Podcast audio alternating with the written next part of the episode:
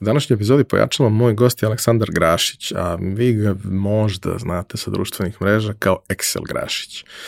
Aleksandar je jedan sjajan momak koji je hteo da bude glumac, pa se nije to baš tako razvilo kako je on zamislio u životu, ali na kraju je ipak postao neko ko provodi mnogo vremena pred kamerom, učeći neke ljude ovaj, nekim važnim stvarima. Te stvari su kako da koriste neke alate za rad sa podacima, pre svega Excel, ali mnogo više kako da razmišljaju u kontekstu toga da svoje odluke donose na osnovu podataka i da samim tim te odluke budu bolje nego što bi bile samo da ih donosimo na osnovu intuicije. Verujem da će mi biti veoma interesantna ova epizoda, meni je bilo jako zanimljivo da je vodim. Realizaciju ove epizode podržala je kompanija Epson, koja je vodeći proizvođač projektora i štampača za sve namene, od kućne i kancelarijske upotrebe do profesionalnih uređaja koji se koriste od maloprodaje do industrijske proizvodnje. Već 20 godina u nizu proizvode najbolje projektore na svetu, a prvi štampač napravili su pre više od 50 godina. I dan danas svaki godin ulože preko pola milijarde dolara u istraživanje i razvoj novih proizvoda sa fokusom na održivo poslovanje i očuvanje životne sredine. Upravo zahvaljujući tome, njihovi inkjet uređaji najnovije generacije prave 94% manje zagađenja od konkurencije uz maksimalan kvalitet otiska. I vaš mobilni telefon koji sada nosite i na kome nas možda slušate i gledate, najverovatnije je napravio robot koji je stigao iz Epsonove fabrike. Roboti su super. Japanski roboti pogotovo. Za slučaj da želite da nas podržite vi individualno, uh, možete da posetite link u opisu podcasta na platformi Buy Me a Coffee i tu možete kupiti mesečnu pretplatu ili jednokratno donirati neki jednost koji želite. Hvala vam unapred na tom.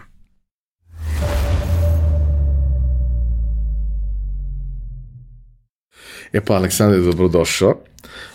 Veliko je zadovoljstvo što si ti danas ovde, zato što si ti jedan od onih ljudi koji rade manje više sličnu stvar onome što mi radimo, samo na malo drugačiji način. Ti si jedan od ljudi koji svoje znanje nesebično deli već jedan duži period i koji je, verujem, zaslužan za to što je makar deo ljudi konačno naučio Excel donekle. Imaš i kurs i sve te neke, da kažemo, dodatne stvari, ali mislim da a, dobar deo ljudi te najviše prepoznaje po onim tvojim aktivnostima kroz a, društvene mreže, gde u suštini kroz besplatne savete i, i, i predloge ljudima daješ neke vrlo a, suvisle i konkretne alate gde zapravo mogu da vide ne samo kako se nešto radi, nego zašto bi to ipak trebalo da radi.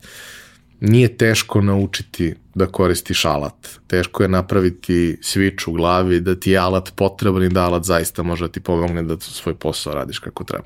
Tako da, dobrodošao.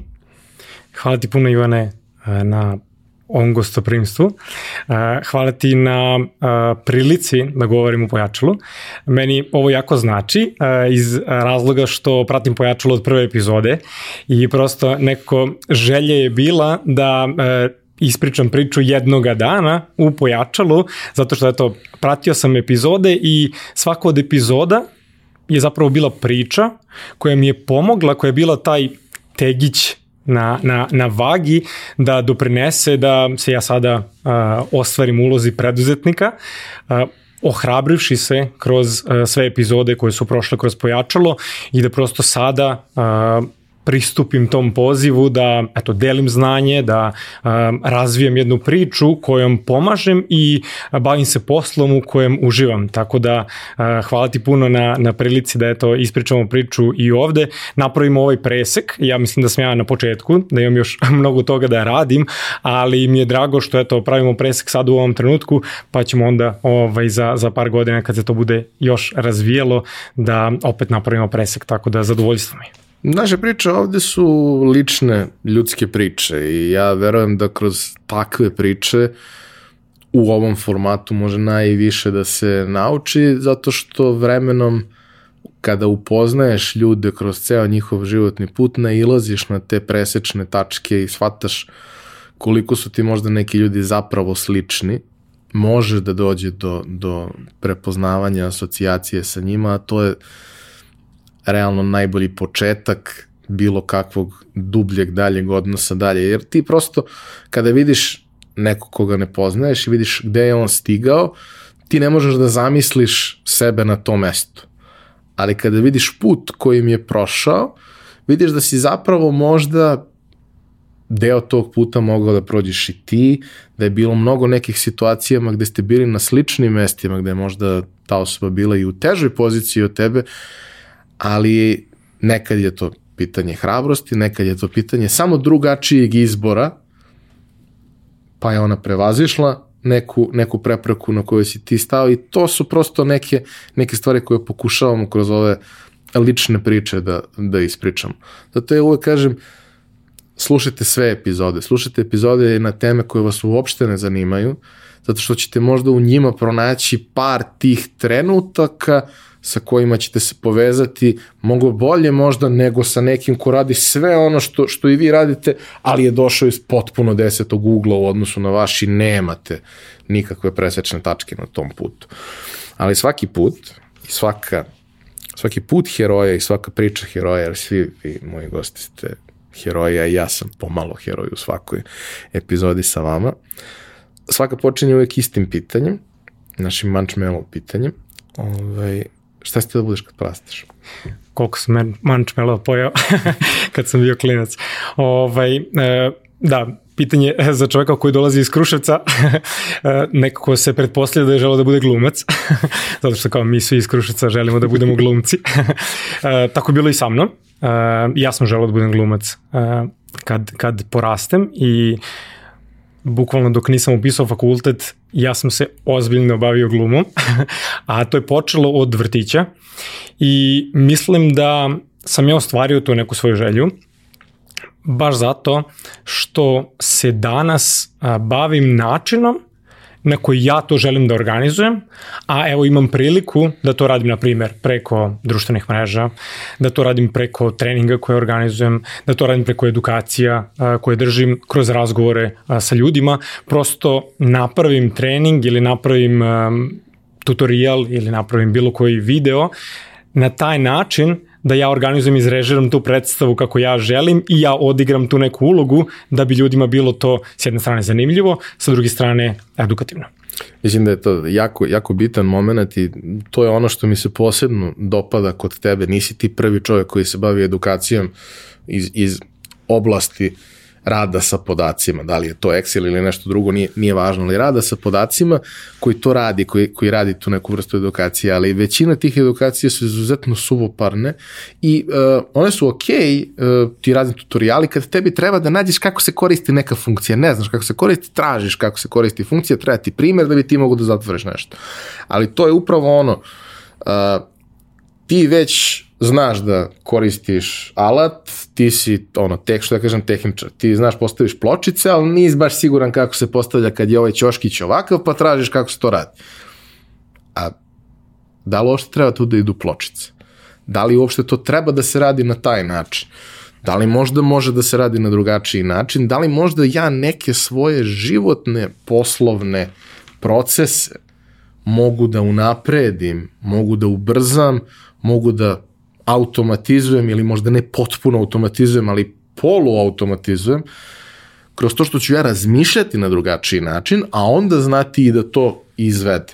E tu mislim da je ta tvoja, e, te tvoje prezentacijske sposobnosti, taj storytelling i primjeri kroz koje provodiš ljude, da je ono što stvarno pravi razliku i zašto si ti postao prepoznat, a kažem nisi jedini koji se time bavi, ali jesi najvidljiviji i jako mi je drago što je to sada postalo nešto čime se ti baviš, da kažemo full time, što ti je, što ti je danas, da kažemo fokus, jer znam i vidim u tome što radiš koliko uživaš. A, dobro, htio si da budeš glumac. Ja ne znam da smo imali neki primjer do sad toga, ali mislim da nismo.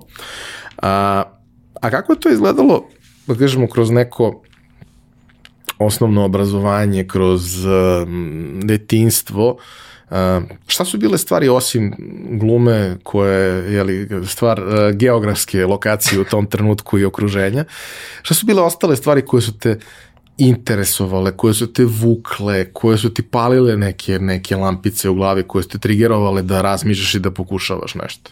Da. Uh, pa u suštini mislim da je tu postojalo, ajde kažemo, problem, ovaj, što kroz ceo taj, ajde kažemo, osnovnu školu, nije postojalo nešto ili, ajde ne kažemo neko, kome je dovoljno inspirisao da se ja nešto, za nešto uhvatim, da budem baš strastven prema tome i da kažem, e, želim ovo da radim. I zbog toga, na primjer, ja krenuo sam da se bavim glumom kroz vrtić i, ovaj, i onda je taj put išao kroz osnovnu školu, pa se onda nastavio kroz srednju školu i sve vreme je to meni bilo nešto u čemu ja najviše uživam. Škol, mislim, bio sam ja super u školi i bio sam ja uh, odličan što se, što se tiče ocena. I sve sam ja to odrađivao, ali ni za šta se nisam vezao u toj meri da ja kažem, e, ovo mi se baš dopada pored toga da postojala je informatika koja je bila kao predmet, ali uh, razlog zašto je postojala informatika, to je zato što eto, smo mi dobili ovaj, od, od roditelja računar, Burazer i ja, smo dobili računar 386, 486, ne, ne znam ovaj koja je već verzija bila, ali mi smo nešto čačkali. Znači mi smo nešto kući radili i čačkali i onda kroz osnovnu školu je tu postojala a, nastavnica koja ja treba da se odradi nešto i ja kažem, e kao, možda bi to moglo ovako, ali zato što sam kući nešto vežbao, zato što sam kući nešto čačkao, jer uh, takođe opet da stavimo da stavimo ovaj uh, sve to u kontekst znači uh, kroz celu tu priču meni jeste bilo uh, drago kao da ja naučim nešto u školi ali sa druge strane ja sam kući imao dosta aktivnosti kojima sam se bavio koji su bili u tom poslovnom uh, kontekstu jer uh, porodično smo imali prodavnicu prehrambene robe, pa sam ja bio uključen sve vreme, sve vreme tu i onda između ostalog sam se bavio kao kako bi nešto moglo da se izračuna, vodimo evidenciju ljudi koji dolaze u prodavnicu, šta kupuju, upisujemo hleb za svaki dan, naručbine, treba da poručimo robu, onda idemo sa roditeljima da kupimo tu robu, pa onda napravimo spisak šta hoćemo da kupimo u toj nekoj veleprodaji, pa nam onda i to spreme, pa mi dovezemo kući, pa ovaj, pakujemo sve to zajedno i bukvalno, brat i ja smo to radili od kad znamo za sebe. ovaj, I onda smo sve vreme bili uključeni u to. Između ostalog, eto, bio je taj računar koji je, koji je bio tu i koji nam je pomagao u određenoj meri, mada je služio i za igrice, ovaj, naravno.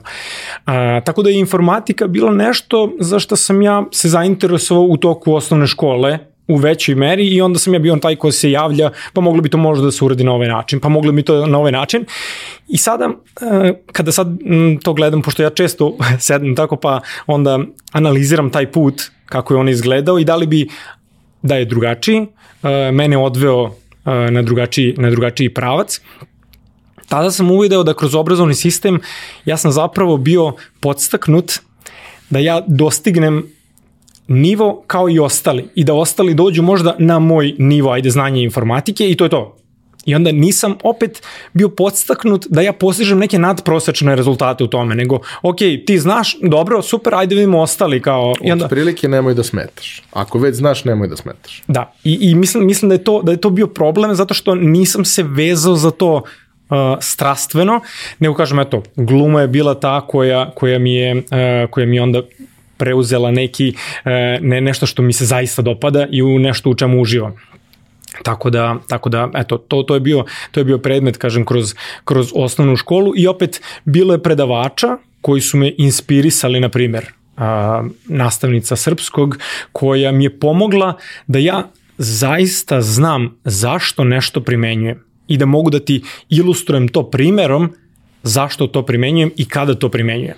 I onda Prosto ja znam kad ti pričam nešto da to treba da, da na primjer, ako je a, palatalizacija ili sibilarizacija ili sve ostalo, znaš, ja ti kažem, ako imaš tu i tu situaciju, ti koristiš uh, taj, taj, uh, taj, taj razlog zašto, zašto ovaj... Uh, If then else. Da, razumeš, i onda taj, taj neki pristup je meni mnogo pomogao da ja znam zašto radim, znaš prosto imam svrhu svega toga, a s druge strane uh, su bili ljudi koji su te terali kao moraš da naučiš to, kao moraš da naučiš to i kao ili, ili ti ne znaš, kao ne, ne, ne, to, kao to nije dobro, razumeš, to, to ne može tako, razumeš, i onda možeš da se vratiš ako si, ne znam, ako si sedmi razred, u, to je trebalo da učite još u petom, razumeš, ako si srednja škola, u, to je trebalo da učite još u ovaj, osnovne škole, razumeš, i stalno, stalno se mi nadovezujemo na neki prethodni period, a nikako da sedneš da kao zaista naučiš ovaj, to što ti treba.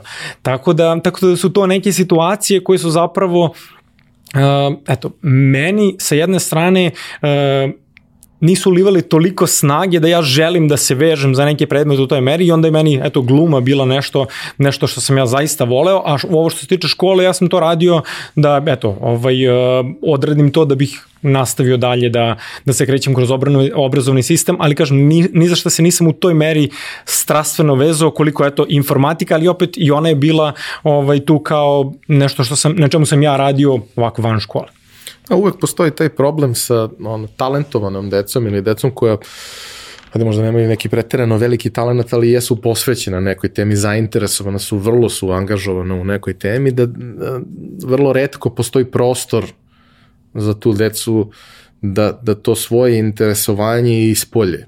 Ukoliko oni prebace onaj ono, threshold uh, koji je za ocenu broj 5, ne postoji ništa više što ti to možeš da uradiš. Ok, može s vremena na vreme da ti profesor kaže, e ok, pošto, si ti, pošto ti to toliko voliš i dobar si sve, ajde ti spremi sledeću lekciju da ispredaješ svojim drugarima ili ne znam, radit ćemo sad projekat iz toga, ali generalno i sam sistem ne ostavlja previše prostora u okvirima onog uobičajenog, uh, uobičajenog rasporeda za tako nešto, a i motivacija tih ljudi je na nivou koji je takav da većina njih nema želju da, da ulaže sad nekakav ekstremni napor dodatni da nešto uradi.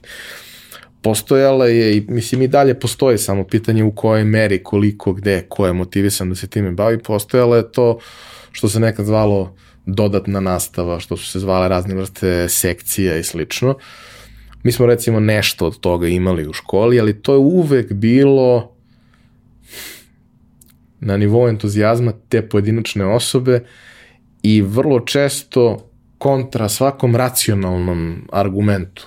Niti će on ili ona biti plaćeni dodatno za to što to drže, niti e, će se to odraziti u bilo kom smislu na, na, na njihov, njihovu reputaciju i bilo šta, ali to su često bili ljudi koji su ili, ili mladi ljudi koji su zaljubljeni još uvek u svoj predmet i sistem nije uspeo da ih još uvek ubije u pojam dovoljno, ili ljudi koji, uh, to smo recimo imali mi kao, kao primjer iz srpskog jezika, našeg profesora uh, Miodraga koji je bio uh, kako da kažem mislim da je on uspevao da uvidi tu magiju u očima nekih ljudi koji su tu i onda je to njemu bio drive. Mislim da je njemu to bilo opravdanje za ono što mu je posao. Za posao je odrađivao i odrađivao ga je dobro, sjajno ga je odrađivao sve to, ali to ga nije ispunjavalo uopšte. Ali rad sa nas nekoliko ne baš uobičajnih mu je pravio tu razliku i ispunjavao ga onim čime bi možda trebalo da ga redovni posao ispunjava. Ali sve je to, nažalost, vrlo redko na nivou incidenta, na nivou pojedinačne osobe i šansa da ti kao super talentovan ili posvećen imaš neko svoje mesto u odeljenju od 30 30 dece sa fondom časova koji postoji takav kakav je i obimom gradiva koje postoji takvo kakvo je, je nažalost, nažalost vrlo redko, ali često se desi da izvan tih formalnih autoriteta koje imaš kroz obrazovanje, što su nastavnici, profesori, direktor, svi ti neki ljudi, pedagog, ja u mom slučaju dosta sam boravio, ovaj, pedagog, psiholog, bibliotekarka, da izvan svih tih nekih ljudi postoje neki ljudi u okruženju koji te povuku. S jedne strane vi ste imali porodični biznis, koji je onako um, dinamičan i daje ti neku strukturu, daje ti neku sposobnost sagledavanja šire slike, razumevanja kako stvari funkcionišu, što je, što je super. Ali uvek tu postoji, obično postoji, ne uvek, ali postoje neki ti ljudi koji su tu u okruženju, koji su ili iz neke šire porodice ili komšije ili neko ko prosto ko ti znaš kao, otškrine neka vrata negde i zainteresujete za neku temu, pokaže ti negde nešto što možda nije bilo dostupno, znaš, to je uvijek bilo dosta gostiju koji su bili su pričali, kao, šta, ko je šta voleo da radi, ja sam voleo da odem kod, ne znam, drugarovog strica, da gledam kako on lemi nešto ili vari, kako pravi nešto, kako ovaj, pravi nešto od drveta, kako, nemam pojma, slika, nešto tako. I onda vidiš, znači kao, 20 godina kasnije nije on postao zavarivač, nije on postao ni slikar, ali malo kad pogledaš sa strane to što on radi i kako on radi, ne bi bio to i ne bi bio takav da nije bilo toga. U tvom slučaju imamo glum, ali imamo još nešto. Pa pazi, a, suštinski, a, to što se tiče privatnog, a, privatnog biznisa i rada u prodavnici, ja sam krenuo da radim drugi ili treći razred sam bio u osnovnoj škole kad sam počeo da radim u prodavnici i sad, pošto je malo okruženje, onda taj radijus kupaca koji dolazi, onda se svi znaju, znaš, i onda sam ja tu radim uh, uz pomoć roditelja, jer oni su tu pa kao kontrolišu, ali Znači, toliko, sam bio mali da sam morao da se podignem na prste da bi pogledao u kasu, kao ovaj, da, da vratim kusur. Ovaj, uh, ali, znaš, onda, onda se okružiš tim ljudima I onda oni dolaze, onda oni koji svakodnevno dolaze, ajde da kupuju te a, svakodnevne potrebštine, ovaj, su jed, jedna vrsta kupaca. Ali imaš ono drugu vrstu kupaca koja dolazi pa sedne a, da popije pivo ovaj, i da popriča, pa onda sedneš sa njima, pa kreneš da pričaš sa njima, pa vidiš kakva je njihova možda priča, pa onda krenu oni da ukrštaju svoje neke, svoje neka iskustva i kažu, e, u moje vreme, da vidiš ti kako je to bilo, pa onda s obzirom da eto Kruševac je u pitanju onda kažu znaš ti kad je radila ova firma to je izgledalo tako i tako pa onda krenu da ti pričaju ta iskustva i onda ti vidiš zapravo kakvo je to okruženje u kom si ti odrastao uh, šta je to sve postojalo, kako se razvijao taj grad, u kom to je, ajde da kažemo, to, su bile 2000-te, pa onda ti oni naprave presek kako je to do tada i ti onda vidiš zapravo uh, kako su ti ljudi živeli u periodu pre toga. Uh, trudiš se da vidiš kako ti možeš da doprineseš i u koji, koji je to pravac u kom ti možeš da se razvijaš kasnije. Tako da ta okruženost tim ljudima svakodnevno koji dolaze, koji imaju neke realne priče, je zapravo meni, mene mnogo, ajde kažemo, profilisala da ja budem otvoren prema ljudima i da prosto mogu da popričam sa njima, da naučim puno iz toga, da saslušam prosto ljude, da vidim šta to oni rade, na koji način funkcionišu. Ajde, to je neko, neko okruženje u kom se ljudi, ajde da kažemo, pretežno bave poljoprivredom, pa onda vidiš tu neku posvećenost poslu, razumeš? Znači, ti moraš nešto da posadiš, moraš da imaš strpljenja, da sačekaš da to uzri, da uh, uvidiš sve okolnosti koje se dešavaju na tom putu, razumeš? Ovaj, dok ne dođe neki plod i na kraju, kao, e, ovaj, odradili smo nešto, nešto do kraja. I opet imaš i ljudi koji se bave određenim zanimanjima, ovaj, koje su opet e, meni davala priliku da ja odem kod tih ljudi da još, znaš, sednem sa njima pa da popričam, da vidim kako je to izgledalo. A što se tiče škole ovaj, e, i ajde kažemo glume, tu su bili neki ljudi koji su mi pomagali da ja onda vežbam a, taj nastup, da vežbam, da a, prosto iznesem sve ono što mene interesuje, ako je gluma, ako je, pošto se bavi a, recitovanjem, da to recitovanje, da ta dikcija budu na mnogo višem nivou i da mi ti ljudi pomognu da ja prosto gradim neku, neku, neku ovaj, svoju ličnost na taj način da uh, prosto se osjećam lepo kada sam ne znam, pred kamerama, da se osjećam lepo kada sam na sceni.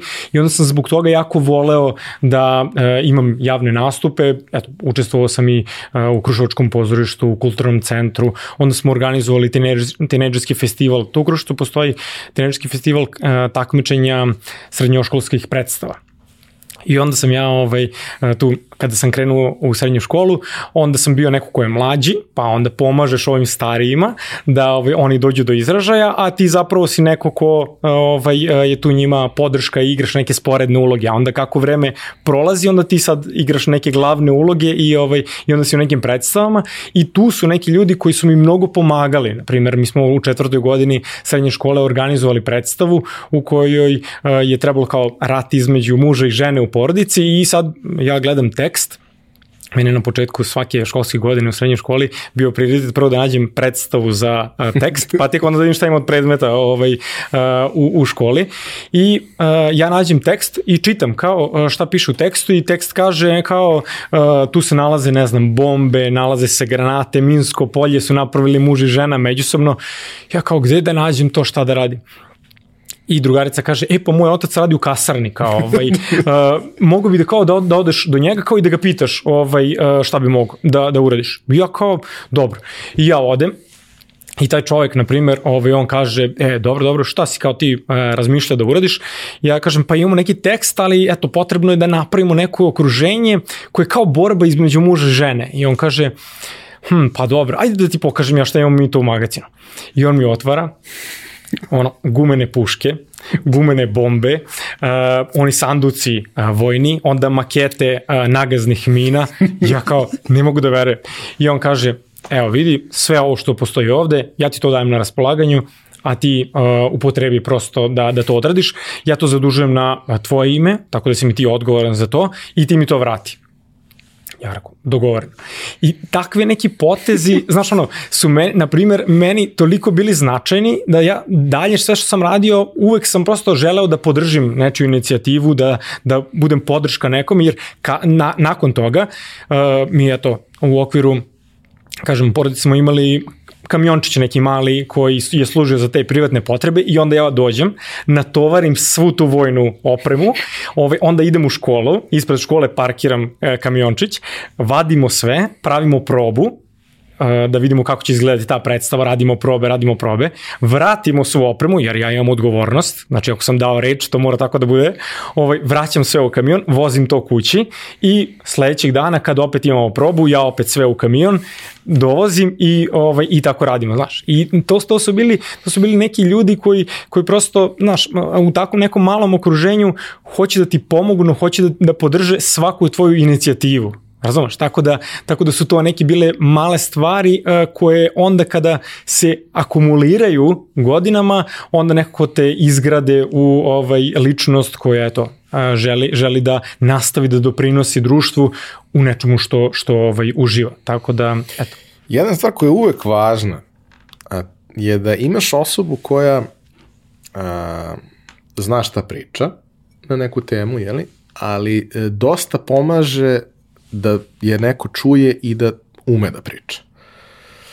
Ako samo zna, a ne ume da prenese i ne ume da prezentuje sebe i ima problem sa, sa tim delom, baš skoro smo pričali o tome kad je bio, kad je bio Dule Basalo, e, taj deo javnog nastupa je jako važna komponenta na kojoj ako se baviš strukom nećeš ti raditi na tome, neš ti vremena da se baviš time, to je kozmetika, tebi je bitno da ti, da ti struku utegneš i to je super. Ali onog trenutka kada dođeš u poziciju da to što si uradio treba da prezentuješ nekoj široj publici koja nije samo stručna i ne ume da gleda to iz vizure struke, ako te ne razume i ako ti ne veruje, izgubio si 80% onoga što si doneo, bez obzira na to koliko je, koliko je briljantno. I onda, Znaš, te stvari koje si radio, koje direktno nemaju nikakve veze sa onim što, što si kasnije radio i na fakultetu i, i danas, zapravo imaju velike veze i donose, donose veliku vrednost.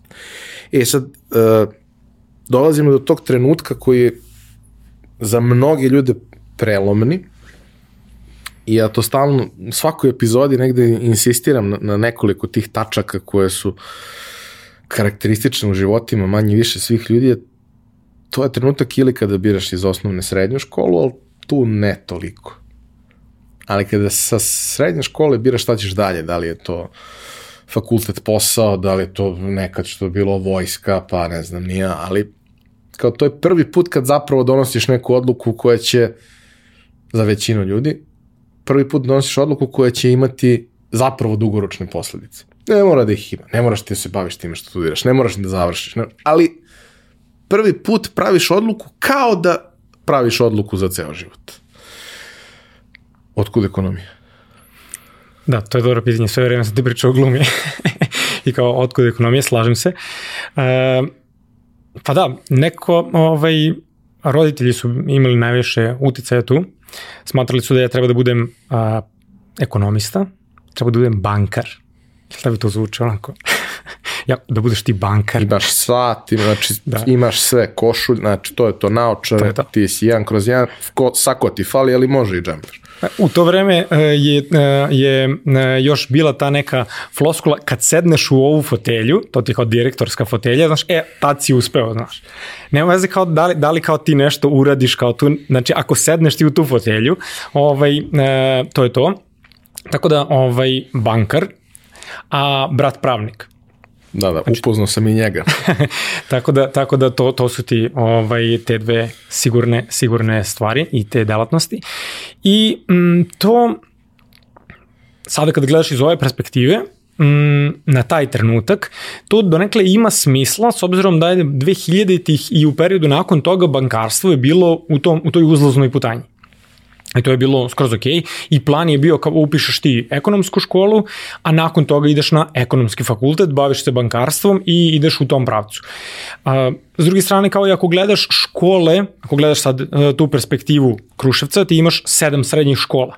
One koje su meni bile najinteresantnije su bile ekonomija, e, ekonomska škola i gimnazija. I onda ajde već sam bio uključen u dovoljnoj meri u biznis, u poslovanje i onda kao ajde možda sam srodniji svemu tome pa kao da idem na ekonomiju, a po, s obzirom da treba da budem bankar, onda ovaj, to, to potvrđuje još tu činjenicu. Da, ja sam bio još i finanski tehničar u, u, ekonom, u srednjoj ekonomskoj i kao sve to trebalo na taj način da se, da se ovaj razvija i da se obistini. Uh, pored toga, ne, kažem ti, ja sam razvio tu glumu koja je bila moja želja kao da, da to uradim, ali ono što je predstavljalo problem, to je da ja nisam imao uh, ono što se kaže role model, razumeš, da vidim osobu i da vidim njen razvojni put i da na osnovu toga kažem, e vidiš, o, moja karijera, ako se razvijam u tom pravcu glume, bi mogla tako da izgleda. I zbog toga sam ti rekao na početku da meni stvarno mnogo znače pojačalo priče, jer su to priče koje su meni pokazale, znači ti imaš highlighte ljudi iz života koje oni prekazuje javno, razumiješ? Ali kad ispričaju priču ti vidiš da, znaš, to su sasvim normalni ljudi koji imaju neke ne, sasvim normalne priče. Ne bih ja toliko daleko da kažemo da su normalni. Ne, to ljudi su, ajde. Dobro. ljudi, ljudi gušteri. Ljudi. Ali, ali eto, znaš ono, bore se prilično slično kao, kao i svi mi ostali. Sa sobom, sa drugima. Tako je, tako je. Najviše sa sobom. Slažem se, sad, sad to kao vidim u, u punom, u punom ovaj, uh, žaru. Tako da, a, suštinski e, je bila ideja, upiši ti kao to je pravi put, kao zem, možeš ti da se baviš glumom. Znači, ti kad završiš posao posle 5 sati, ti možeš da baviš glumom, ti slobodno se baviš glumom. Ti imaš talent, jer smatraju da ti si dobio, dobio si nagrade, grdne nagrade za, e, na takmičenju recitatora, na ovom, na ovom, super, znači talentovan si, rekli su ti ljudi da si talentovan, ti to možeš da radiš znači posle 5. Znači ti od 9 do 5 radi ovo regularno, od toga može se živi, od ovog ostalog to je nije, nije to izvesno. To je hobi. To, da, je super. to, to može uvijek da ti bude hobi. I ovaj, ja kao, Dobro, ali znaš, kad, kad nemaš ti nekoga ko te podstiče na to, a stalno ti neko priča kao, e, pa kao nije to sigurno, prosto ne, ne daje ti neku budućnost da ti, znaš ono, sve vreme kao jačaš sebe, jačaš samopouzdanje, ti onda, i onda ti kao se lomiš kao šta će tu biti, kako će biti. I onda kao posle srednje ekonomske je bilo, ajde kažemo, logično da uh, idem na ekonomski fakultet i tada je trebalo upisati, zapravo je trebalo kao vagati između toga da li, će, da li da ići na prijemni uh, na glumu, tada su se neki, nešto prijemni poklapali i onda, i onda ovaj, je trebalo, duže malo traje prijemni na glumi, znači prijavi se 600 ljudi, onda se primi 20 ora, pa sa, sa tih 20 ora se radi 7 dana u kontinuitetu, pa onda od tih 20 10, 10 otpadne, 10, 10 ulazi. I mislim to sad izgovori da ja kažem sad poklapali mi su, su mi se prijemni ja da sam to želeo ovaj ja bih mu to mogao da da odradim. Ali prosto kažem nisam imao tog samopouzdanja da radim aktivno na pripremi svega toga tako da sam je se onda odlučio da da krenem na ekonomski fakultet i da upišem i taj, taj, taj prijemni uh, koji je trebalo da, da pripremim je u velikoj meri uticao na to kakav ću ja odnos imati dalje prema, prema fakultetu. Uh, moj odnos prema školi u osnovnoj i srednjoj školi je bio apsolutno uh, posvećen toj školi i rezultatima, ali nisam ja toliko u, uživao u celom tom procesu koliko sam uživao na primjer u glumi. Onda je došao trenutak da ja dođem na raskrsnicu i kažem ili gluma ili ekonomija. To je to, sad moram da se posvetim ovome maksimalno. I uh, za prijemni je trebalo spremati, uh, spremati nešto, a s obzirom da sam ja u osnovnoj školi išao na takmičenje iz informatike, onda uh, sam u srednjoj, uh, opet i u četvrtoj godini srednje škole, postoji takmičenje iz informatike za učenike srednjih ekonomskih škola. I kaže meni nastavnica, pa dobro, eto Grašiću, pošto ti hoćeš da ovaj, ide ti eto to, ovaj, hoćeš da ideš na takmičenje. Ja kao, pa ne znam, moram da spremam prijemni za, za fakultet, a pored toga spremamo uh, predstavu u tom aprilu mesecu, nisam baš siguran, a pored toga imam i takmičenje recitatora, pa ni to nisam siguran, a pored toga treba da sredim i ocene za školu, ovaj, nisam siguran da li imam vremena. I ona kaže, e pa dobro, ali samo da ti kažem kao, ako uh, uzmeš jedno od prvo tri mesta na takmičenju, republičkom takmičenju, ti se oslobađaš prijemnog. ne moraš ništa više mi kažeš kao, to mi je dovoljna motivacija kao, ovaj, ok, spre, idemo, idemo na takmičenje. I, ovaj, I onda ja krenem da se spremam za takmičenje za informatike tada.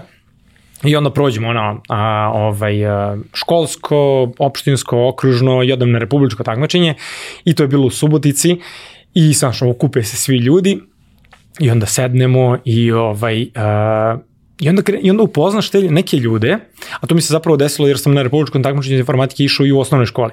I, ovaj, I onda sedneš i onda upoznaš te neke ljude koji su se stvarno posvetili tome i koji znaju to i u još većoj meri od tebe, razumeš? Znači ja, ja sam kao smatrao da ja znam možda najbolje u, svojom ško, u svojoj školi, znam najbolje od, od svih u svom okrugu, a onda vidiš neke ljude koji su još, još više posvetili tome, znaš? Onda kao, u čoveče, kao, znaš, ovaj, ima nekih ljudi koji su, koji su, koji su stvarno još više posvećeni ovome, još više rade i prosto kreiraju neka rešenja koje su ti jako zanimljiva, a ti ljudi su ono, četvrta godina srednje škole, čoveče. Ja kao, aha, dobro, kao, okej. Okay.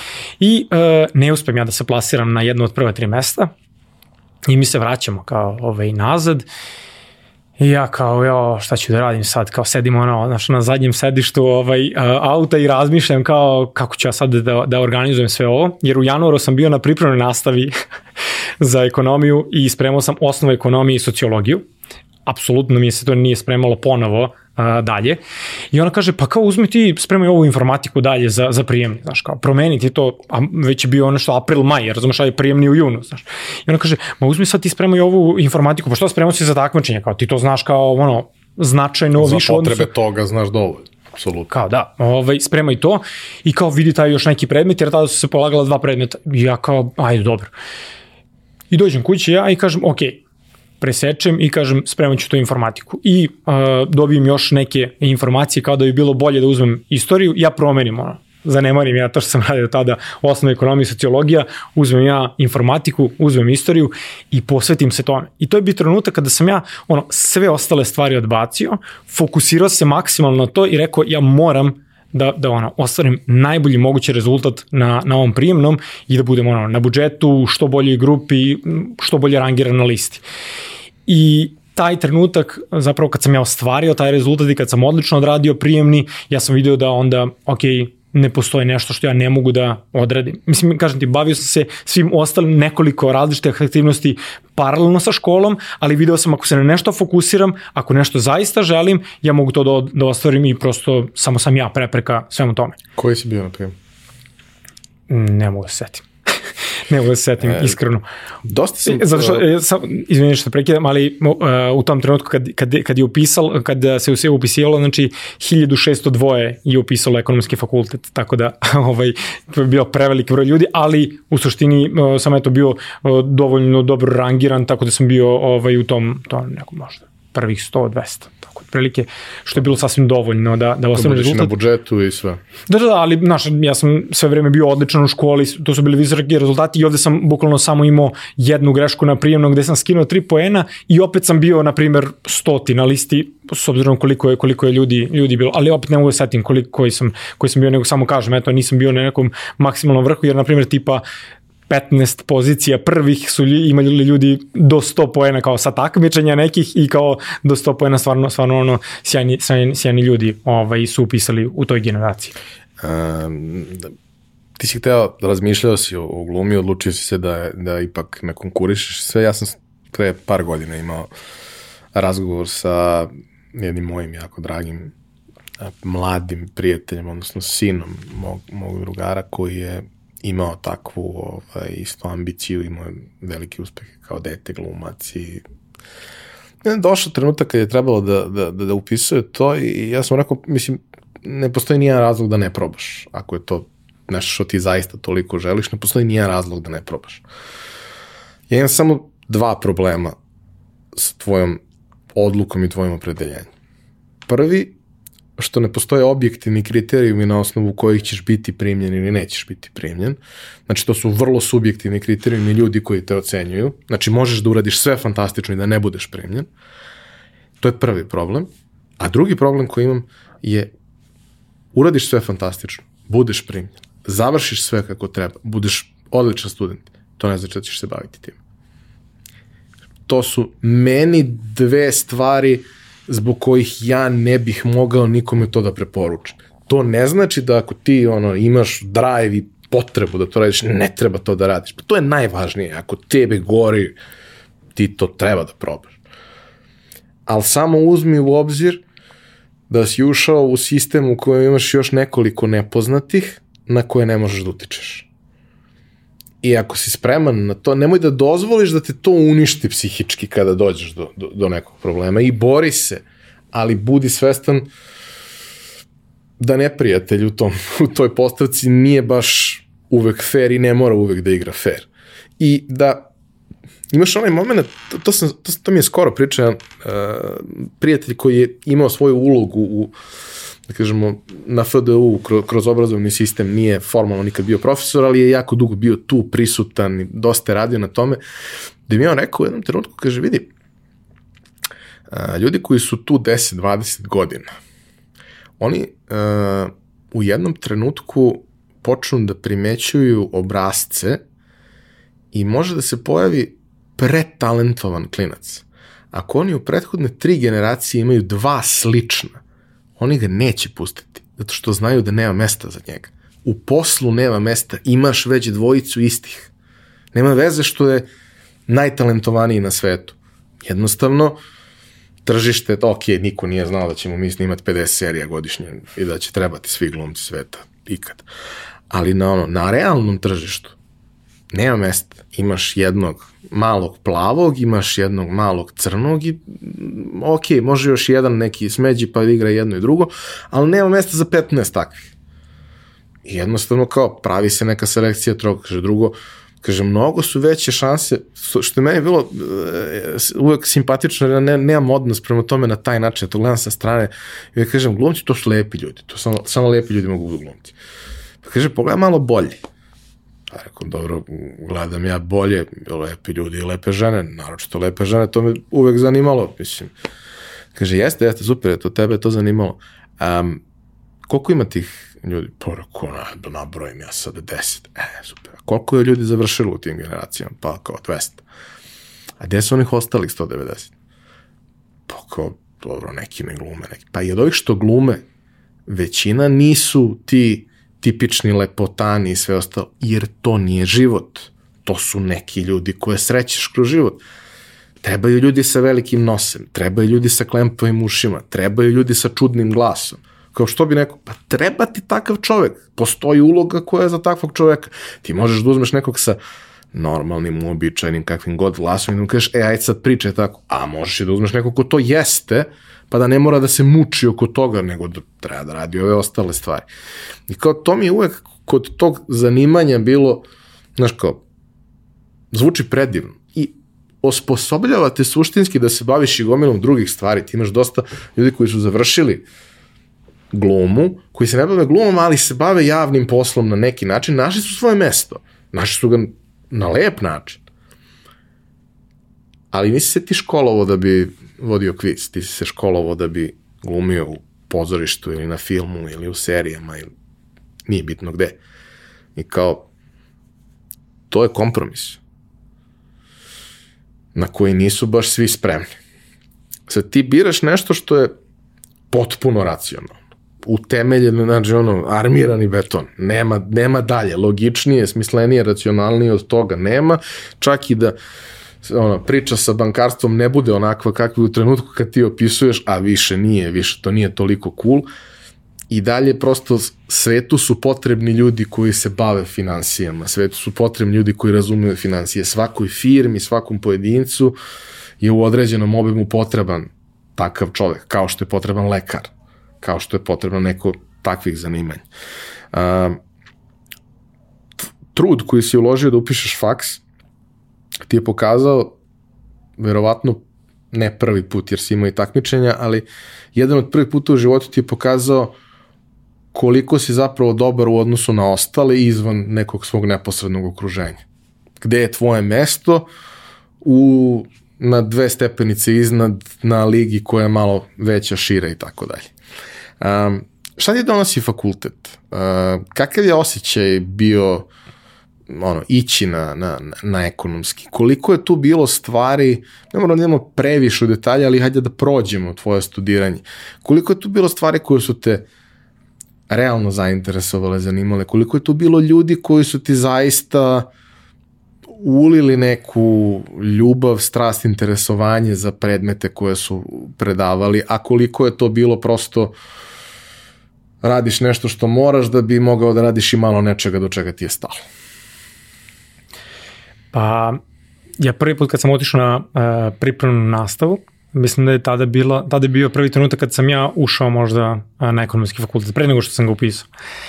Ja sam tada to gledao kao da ja ulazim u hram ekonomije. Za, me, za mene je to iz te perspektive kao, e, ovo, ovde kao su ljudi koji apsolutno najbolje poznaju ono ekonomiju, koji uh, mogu da prosto sagledaju te privredne aktivnosti na najbolji mogući način, biznis i sve ostalo.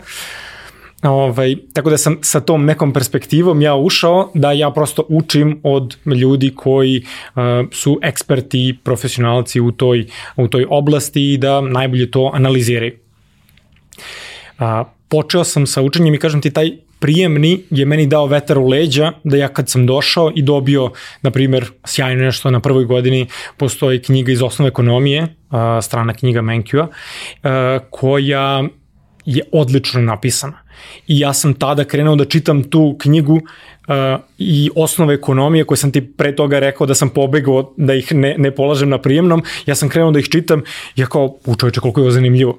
Razumeš, znači shvatam kao koliko je to interesantno i onda svaki grafik crtaš, svaku tabelu ovaj, prepisuješ, pa onda računaš kalkulacije, želiš u svesti da sve bude pregledno, želiš da razumeš, želiš da uh, kada pročitaš to, da možeš da odeš na vežbe i da ti ispričaš to kako si ti to razumeo. I postojali su ljudi koji su davali priliku da to odradiš zato što eto desilo se ovaj sticam okolnosti da na tom predmetu ovaj sam imao mentore koji su podržavali takav način rada i to je bilo jako važno kada kreneš da imaš uh, dobre ljude koji će ti taj prelazak iz srednje škole na dobar način prebaciti u uh, obaveze na fakultetu, jer se to razlikuje. Znaš, obaveze koje imaš u srednjoj školi su mnogo manjeg obima i prag koji ti postavljaš ovaj, uh, je drugačije. Znači ti ako u osnovnoj školi imaš da, to jest u, u srednjoj školi ako imaš da naučiš 10 strana, ti ćeš naučiti 80% i to je 8 strana. A ako na faksu imaš da naučiš 1000 strana, ti ćeš opet naučiti 80%, razumeš, ali ćeš ipak naučiti 800 strana, razumeš, znači to je samo taj prag koji ti opet nećeš kao možda odraditi sve apsolutno, ali se tvoj prag podigao, tako da ćeš ti opet dostići to samo, eto, nesvesno, ali ako imaš dobre ljudi koji ti pomažu na tom putu da pređeš ovaj, da promeniš navike, onda to ovaj, može biti uh, jako dragoceno. Tako da, uh, Da, što se tiče ekonomije, ja sam tu uh, imao, imao ovaj, uh, podršku. Međutim, što se tiče, na primjer, matematike, onda se tu dešavalo da se mnogo toga podrazumeva od ranije. I onda kao ti dolaziš i bukvalno samo nastavljaš, razumeš, kao nebitno je da li si ti bio u ekonomskoj ili si bio u gimnaziji, ovaj, to je to, od tebe se očekuje da ti imaš već uh, predznanje i da ti sad sad prilagođavaš tome i da nastavljaš da radiš. I onda su to bili izazovi gde, eto, ja uh, možda nisam imao mentore koji su mi u, u dovoljnoj meri dovoljno pomogli iz matematike konkretno recimo da ja sada mogu znaš, da, da se osjećam konforno i da ja to povezujem sve ekonomija, matematika i sve to da, da ovaj, eh, na taj način organizujem. I onda je to predstavljalo kao mora si još dodatno da se trudiš, mora si još dodatno da ulažeš napora, da sediš i da onda sve radiš sam kao ispočetka, sad ćemo to da, sad ćemo to da odradimo, a sam tu video da opet kad je došla prva desetka, ja sam video, e pa mogu ja ovo da odradim, znaš kao, opet samo sednem i od mene zavisi, znaš, posvetim se, krenem, idemo jednu po jednu, jednu po jednu lekciju, jednu po jednu lekciju i onda ovaj, vidim da to može, znaš. I onda taj trenutak opet kroz cijelo studiranje Iako je to neka izolovana sredina, razumeš, ti imaš znači, predmet, postaviš cilj, kažeš hoću da savladam ovo, imaš knjigu, ako naučiš, neće doći ništa drugo kao osim iste knjige i ako to savladaš, ti ćeš dobiti desetku i kao to je to. I onda kad sam se postavio prema tome, onda su rezultati krenuli samo da se nižu i ja sam bio prilično zadovoljan kako se to odvija. A, ono što se dešavalo, da, to je da je prilikom upisa, ja sam rekao, ovaj, aha, šta ima od smerova, ok, ima bankarstvo, dobro, ima statistika i ima devet smerova. U tom trenutku je bilo devet smerova ovaj, na ekonomskom fakultetu. Ja sam rekao statistika, pa dobro, nisam ja ono, došao na ekonomski da bi studirao statistiku, da sam htjela išao bi na matematički, kao upisio ja bankarstvo, razumeš? To sam rekao kad sam upisao. Godinu dana kasnije, od svih devet smerova, ja sam upisao statistiku. Ove, I ja kao, ok, analizirao sam šta je, šta je to što mene interesuje i shvatio sam da to bankarstvo jeste zanimljivo, razumeš? Ali da je ova ipak statistička analiza i informatika, smer se zove statistika, informatika i kvantitativne financije, da ipak to nešto što mi se više dopada, iako ja opet nisam imao celu, celu neku opet uh, karijerni put da mi je neko pokazao kako to izgleda. Mislim da je to jako važno da ti neko pokaže kako može izgledati tvoj karijerni put. Odnosno šta sa tim radiš. Tako je. Ono što je takođe važno, to je da ni u jednom trenutku ja do, do, tog, do tog fakulteta i posle toga nisam ni sa kim seo i da meni kaže a, šta su moji prednosti, šta su moji nedostaci, da sednemo i da, i da, da ono, analiziramo moju ličnost, razumeš? Da on kaže, e, mislim da, da si ti dobar, da si analitičan, mislim da bi dobro, bilo dobro to da radiš, pa da onda podstičemo to, razumeš? Znači da, da vidimo koji su talenti, pa da otkrijemo to i da idemo u tom pravcu. Da vidimo šta je dobar fit za tvoj profil.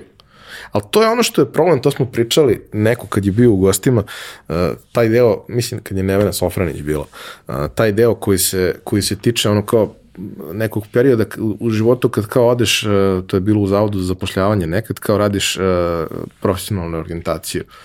I onda ako ako si iole sve strani kao što većina dobrih đaka jeste, oni ti kažu, pa dobro, ti možda radiš bilo šta, čega god da se dohvatiš, bit ćeš dobar u tome. E, baš vam, hvala, to nisam znao da mogu bilo šta, sad ste mi vi suzili izbor na 360 stepeni, baš vam hvala. Ovaj, e, to je problem što, što je ovde da bi neko, barem moj utisak, da bi mogao stvarno da razume, mora ozbiljno da se posveti tome, da osoba koja to radi ili osobe, ako je više njih da, koji rade tu evaluaciju, mora da ima dovoljno širine i razumevanja, a mislim da je to možda malo previsoko očekivanje za obrazovnu instituciju ne mora da znači, možda to ima smisla, znaš, ono, kako to firme obično rade, ja to uvek nekako probam da preslikam iz realnog sektora u, aha, ne mogu ja se bavim svima.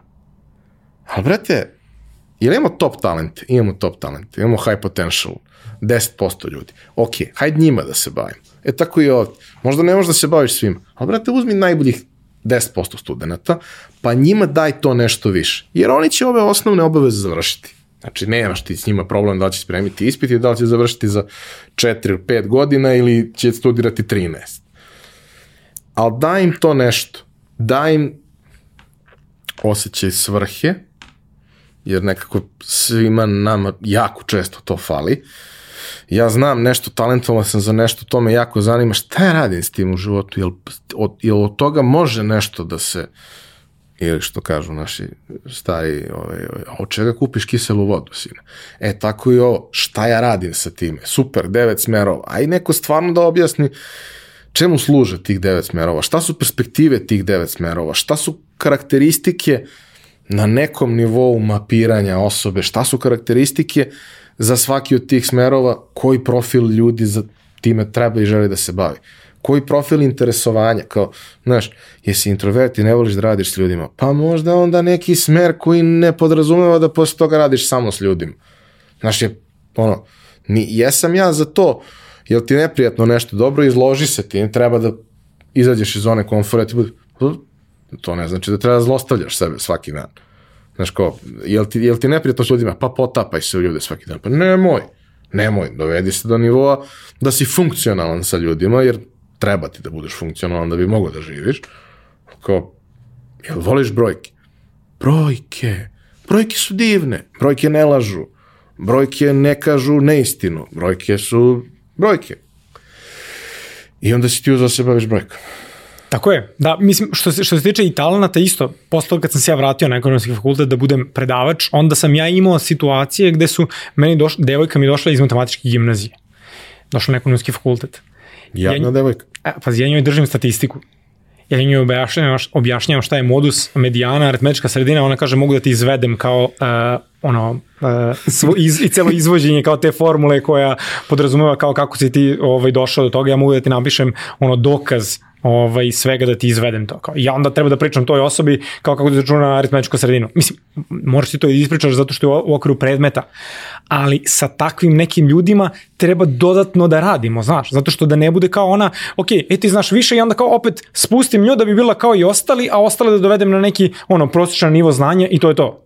Znači, hoću da se fokusiram na te ljude i da onda sa njima dodatno, dodatno radim, da bi ti ljudi ostvarili još veći potencijal, jer onda, znaš, ono, bilo koja kompanija, bilo koja institucija, to su ljudi, znaš, koji, koji čine tu instituciju i ako oni se osjećaju da su iskoristili svoje talente i da prosto rastu sa tom institucijom, ako je to ovaj, fakultet, ako oni rastu jer je ona došla sa već nekim znanjem, ako se razvija u smeru statistike, ona se osjeća lepo, a ona dođe na moj čas kao da bi ono ispoštovala mene i da bi čula ovaj ostatak gradiva, ona znači ono možda sam zajedno sa mnom predaje. Tako da sam i ja ovaj uključivo i nju i sve ostale ovaj u proces ovaj rada zadataka ali prosto ovaj, u tom smislu mislim da treba da budemo fokusirani na, na ovaj, te ljude da ih još više podstaknemo. A, što se tiče moje, moje priče, da, ja sam upisao smer statistika, informatika i kvantitne financije, iako, e, da, statistika, informatika i kvantitne financije, iako, kažem ti, e, kroz e, neki obrazovni proces ljudi su stalno pretpostavljali nešto iz matematike da ti već treba da znaš nešto od ranije, nešto od ranije i onda sam ja seo i krenuo to da stavljam ovaj, ono, korak po korak u neke, u neke fioke kojima to, kojima to ovaj, je mesto i da slažem jedno po jedno i da onda sednem i da naučim ono, integrale i da vidim da ti, da ti integrali mogu da budu najnormalnija stvar, da mogu da, da radimo izvode najnormalnije i da to je najnormalnija stvar i ja sam do kraja studija uživao u tom procesu učenja i rada statistike. E sad, ja sam znao da si ti čudan, ali baš ovoliko nisam očekivao, ali dobro, nema veze. Može, može to da bude, verujem i može da bude još zanimljivije. Neka, neka. Ne moram ja sve da znam. Tako da, Tako da u, u tom smislu hoću da ti kažem da, uh, eto, da ja to nis, da se ja nisam osnažio i rekao, e, hoću da idem u tom pravcu jer mislim da me interesuje, iako su mi kao govorili da možda kao treba još više da radim na tome, mislim da to zapravo ono doprinelo da eto ja sada um, se bavim statistikom i podacima i svim ostalim i da ja uživam u tome. Znači, da, da ja nisam imao hrabrosti da to uradim, možda bi otišao u nekom pravcu, a da možda ne budem srećan uh, sada uh, time što radim, nego bi radio nešto drugo. Razumeš? I mislio bi da nemam talenta za, za te stvari, a zapravo samo mi to nije neko pokazao i nije me motivisao da idem u tom pravcu. Mislim da je to, da je to jako važno. Uh, Dakle, krećem, krećem sa, sa tom statistikom i ono što je, što je ovaj, eto, na fakultetu isto, isto bilo važno, na prvoj godini mi se desio jedan on fail, a to je da sam ja počeo sa sjajnim rezultatima i uh, sreća pa se to desilo u prvoj godini da imam 7 ispita na prvoj godini, posljednji ispit koji je trebalo da polažem, ja sam položio sve ispite do juna, jula i ostavio sam taj jedan ispit za septembar. I ja kao, ok, idem kući, pa učit ću kući. Nemoj se to raditi. kući ne može da se uči. Ovaj, uh, I ja kao uč, um, krenem kao kući da učim i naravno svi te zovu, e, ajmo na futbal, e, ajmo vamo, ajmo namo i, ovaj, i onda meni prolazi leto, a ja samo kao, znaš, on ga učim, ali to nije stvarno učenje, znaš, on, to, to je prelistavanje i kao pokušaj učenja, razumeš? I kao, ne, ne, ne, ne, ne ide to meni. Onda ja izađem u septembru i onda taj, taj, taj kao, taj ponos u tebi, ne dozvoljava da ti izađeš ako nisi spreman, razumeš? Ja ne izađem na, znači ja prisustujem, prisustujem ispitu, ali neću da izađem kao nisam ja dovoljno spreman. Ja izostavim taj rok. Dođe sledeći rok, ja opet nisam ja dovoljno spreman, e, neću ja kao da izlazim pred ostale, i ja opet ne izađem. Dođem ja u oktobar 2. Čuveni. O, čuveni oktobar 2. A, dolazim ja na, na, ovaj, e, na taj rok kada je bilo već, a e, oktobar 2 se održava kada već počne školska godina. Znači, počela je uveliko tipa 20. oktobar, a e, školska godina počinje tamo kraj septembra, početak oktobra. I počela meni druga godina, a ja ovaj ispit iz prve godine još nisam, još nisam položio. I, ovaj, i ja dolazim i sad svi ono, e, kao Grašiću, šta ćeš ti ovde čoveče, kao ti si kao sjajan student, kao šta, šta ćeš ti kao ovde.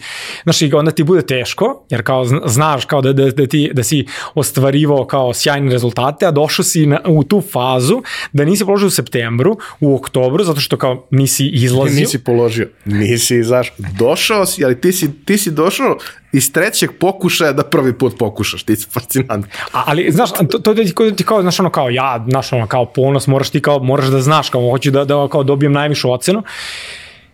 I m, pun, pun amfiteatar.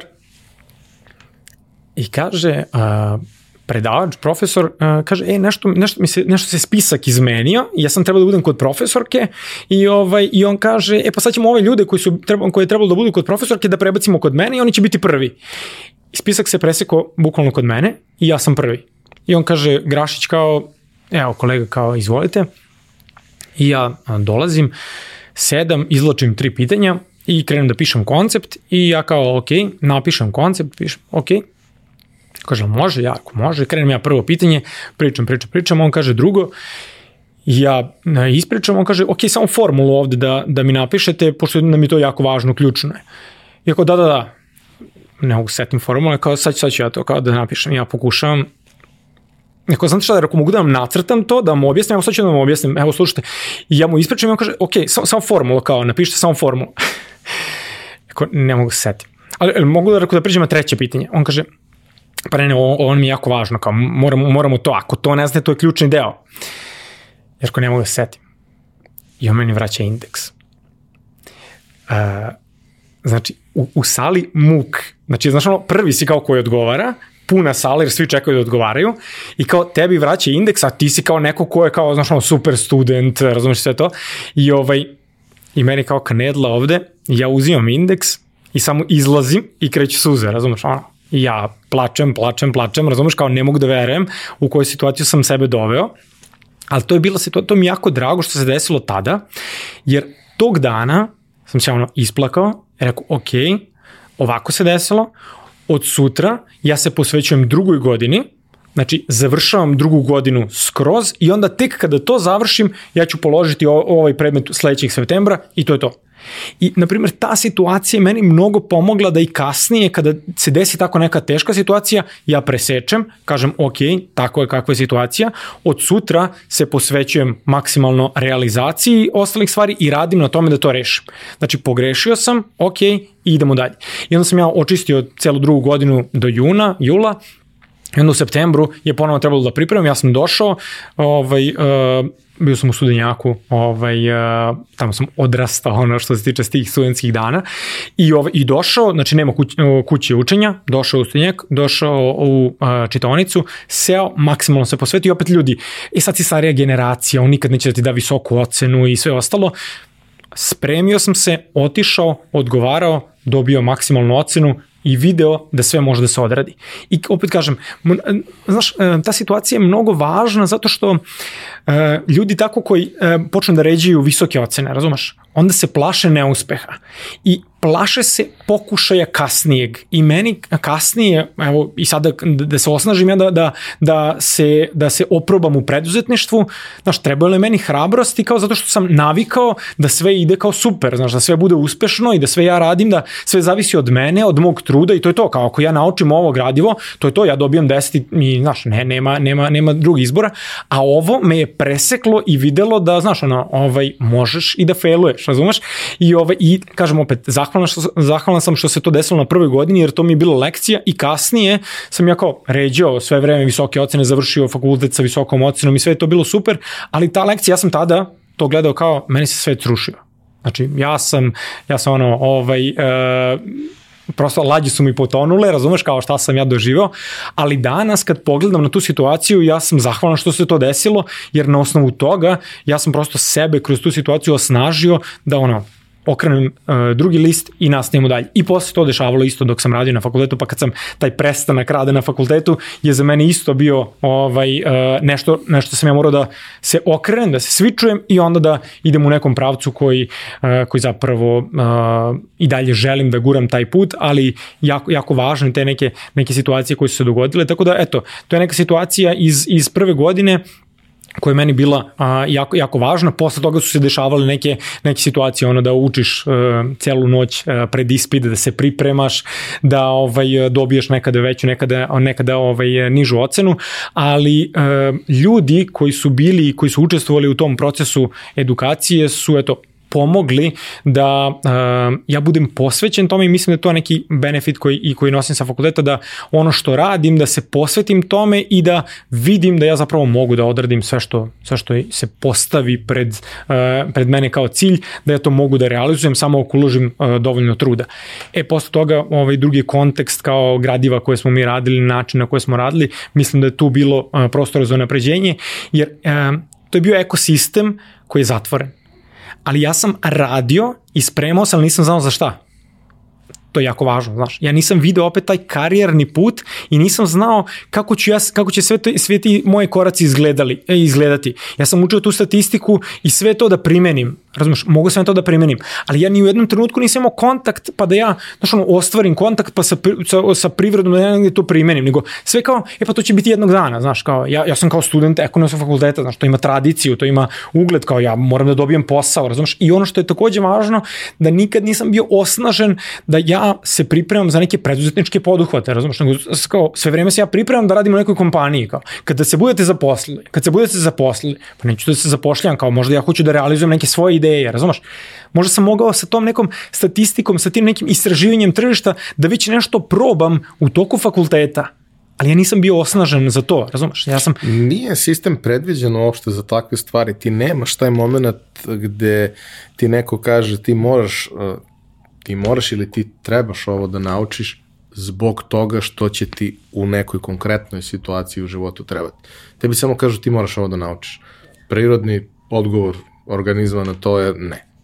Mislim, ja neću da naučim nešto što me ne zanima, nešto čemu ne vidim svrhu. Ne znači da je nema, ja je ne vidim. Pokaži mi, daj mi neki razlog i sve može. Znaš, jedna stvar je da ti budeš prosto ono, odgovor na jedinka i da si u fazonu, ok, ja sam ovo upisao, ja ću ovo završiti. Ali mnogo lakše završiti ako znaš zašto to radiš. A, u kom trenutku, mislim, prošlo je sat i nešto razgovora, mi nismo Excel pomenuli. To je mnogo strašno. U kom trenutku ti dolaziš u bliski susret sa zelenim softverom kompanije iz Redmonda? Da. E, pa dolazim, dolazim tada još ono kad, kad, kad je e, to bio prvi računar koji smo dobili brat i ja. Tako da anegdota koja je vezana za, za tu situaciju koju pamtim kao Excel, kao ono pr, alat koje, kada, koji sam koristio u tom trenutku jeste da sam ja kao klinac uzeo, imao sam neki stari telefon, nije bilo Nokia 3310, ali je bilo ne, ne, nešto po tom principu i ja sam želeo da sve svoje ljude iz imenika prebacim u Excel, jer sam želao da imam bazu ljudi iz kontakta i da ja to, ja to prebacim u Excel. I ja sam to onda krenuo da prepisujem, razumeš? E sad, svaki put kad obrišem, moj mene vrati na vrh, razumeš? I zato sam ja brisao iz telefona, znači unesem ovaj, ime, prezime osobe, unesem telefon i obrišem iz e, imenika telefona i opet tako odradim. I kad sam stigao na nekih 60%, nestane struje. Znači, taj trenutak kada se gasi ovako ovaj monitor i ja shvatam da nemam ni u telefonu, a da nemam ni na računaru, znači, ja, ja kao, čuče, je li realno da se ovo desilo? Kao tad nemaš ni ono autosave opciju, nemaš ni recovery, nemaš ništa. Ovaj, I kao to su bile neke situacije gde sam ja nešto pokušavao kao da uradim, ovaj, ali eto, to je bila situacija koja je meni bila kao, u čoveče, kao i ovo možda se desi. Kao.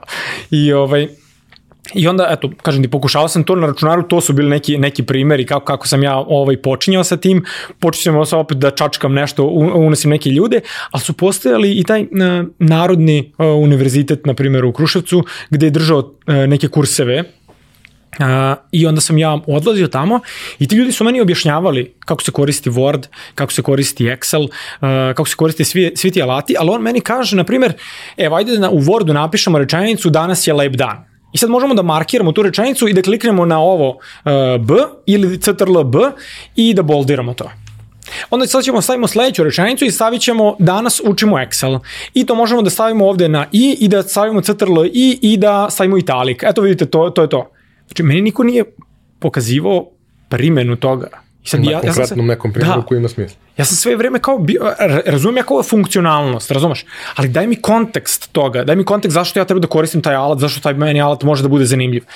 I uh, nakon toga se to razvijalo kroz uh, osnovnu školu, onda si opet imao neke predavače, ali opet su ti objašnjavali neku funkcionalnost a ja sam sve vreme tražio kao neki konkretan primer, tako da sam do tih konkretnih primera ja nekako svojim nekim ovaj pokušajima, aha, vidim kao nešto može da se odradi i onda moj kući isto u prodavnici, e kao treba da se štampaju neke cene kao nešto što je na akciji i onda ja kažem, e sad ću ja to da ti odradim u Wordu ili PowerPointu da ti napravim, pa onda napravim, pa vidim da to ima smisla, razumeš, ono, vidim da taj alat ima smisla da može za nešto da se koristi, pa onda ajde napravimo neku kalkulaciju, ja odradim to u Excel, mislim nešto je najjednostavnije, ali to su bili neki pokušaj. A, Posle toga, kažem ti, uh, ja sam uh, išao na republičko takmičenje iz informatike u osnovnoj školi, pa ajmo onda u srednju školu, pa u srednjoj školi su to bili neki testovi ovaj, uh, Excela, Worda, Accessa, test informatike, sve to bilo na, na tim takmičenjima, ali su opet i to bili primjeri veštački napravljeni da testiraju mene da li ja znam funkcionalnosti, a ne da li ja znam da rešim neki... Oni loši zadaci iz matematike. Da, Znaš, ono, kao, ajde da, da, nađemo, da nađemo neke ono, deljive brojeve sa ovaj, ne znam nija kojom cifrom, razumeš. A, tako da sve vreme su bile takve situacije, a, onda na fakultetu, pošto je bila već ekonomija, pa je bilo malo usmerenije, onda sam ja imao takve biznis primere, ali oni nisu objašnjavani kroz Excel. I to mi je predstavljalo problem, razumeš? I onda sam ja sam uzimao, pa kao radim statistiku, ja uzmem tu statistiku, pa onda odredim to u Excelu, razumeš? Mislim, banalna situacija što ja na, na ispitu, onda meni kažu ja moraš da koristiš Digitron i zbog toga se priprema i ti savjetujemo vam da koristite Digitron da biste vežbali brzinu jer imate samo sat i po vremena na raspolaganju da položite ispit i zbog toga vežbite da to radite na Digitron i onda ne mogu to da radim u Excelu. Što je, eto, ovaj, banalna situacija, ali eto, tako je. Tako da tada u sve većoj meri, znači ja sam okružen Excelom, ali tim konkretnim primerima ovaj, to, to biva a, u, toku, u toku fakulteta i nakon toga a, onda krećem da radim a, aktivno u okviru, u okviru različitih kompanija, tako da a, nakon fakulteta ja a, počinjem da radim u Telnor banci, to je bila prva mobilna banka u Srbiji i onda sam ja bio sav srećan kao, e, strava, kao počinjem sada da radim, to će biti jedno ovaj, sjajno iskustvo i e, naročito što je bilo, e, što je zapravo Telnor banka kao startup u okviru jedne, jednog velikog sistema. I onda je to je bila 2015. godina kada je ceo sistem počinjao sa radom i onda sam ja bio neko ko je tu hajde da vidimo ovaj, kako možemo nešto da primenimo, kako možemo nešto da odradimo opet na konkretnim situacijama. Bili smo podeljeni u timove A, ja sam bio sa još jednom devojkom, sa Nevenom sa matematičkog fakulteta. Ona je bila sa statistike sa matematičkog, ja sam bio sa statistike sa ekonomskog. I onda smo na taj način uh, dopunjavali jedno drugo i radili smo, cilj je, cilj je tada bio da pripremimo anketu. A, ciljna grupa su nam bili studenti, da vidimo kako će studenti percipirati Telnor banku i da nad njih, za njih pripremimo anketu, da analiziramo koje su to funkcionalnosti koje bi oni volili da ubacimo u okviru Telnor banke, koje su to funkcionalnosti koje su postojeće, a dopadaju im se i da mi istražimo to tržište, da dobijemo rezultate, da uh, napravimo analize tih rezultata i da prezentujemo to menadžmentu i da vidimo uh, šta smo mi zaključili iz toga. I bili smo podeljeni u grupe i onda kreneš da radiš na stvarnim podacima i da premenjuješ stvarnu onu statistiku koju si zapravo učio kroz fakultet, koju onda vidiš da je bilo bolje da su ti pokazivali na praktičnim primjerima, jer bi onda sve to stavio u bolji kontekst. A, ono što uvijek pitam goste, ti si se toga dotakao prethodno i sad kroz ovaj primjer, ali bi čisto volao da napravimo neki, neku vremensku liniju toga. To je naše uh, poslovi.infostu.com pitanje. Uh, šta ti je bio prvi posao? Dobro, prvi posao ti je bio kad si bio do pulta ovaj, kod, kod roditelja u radnji.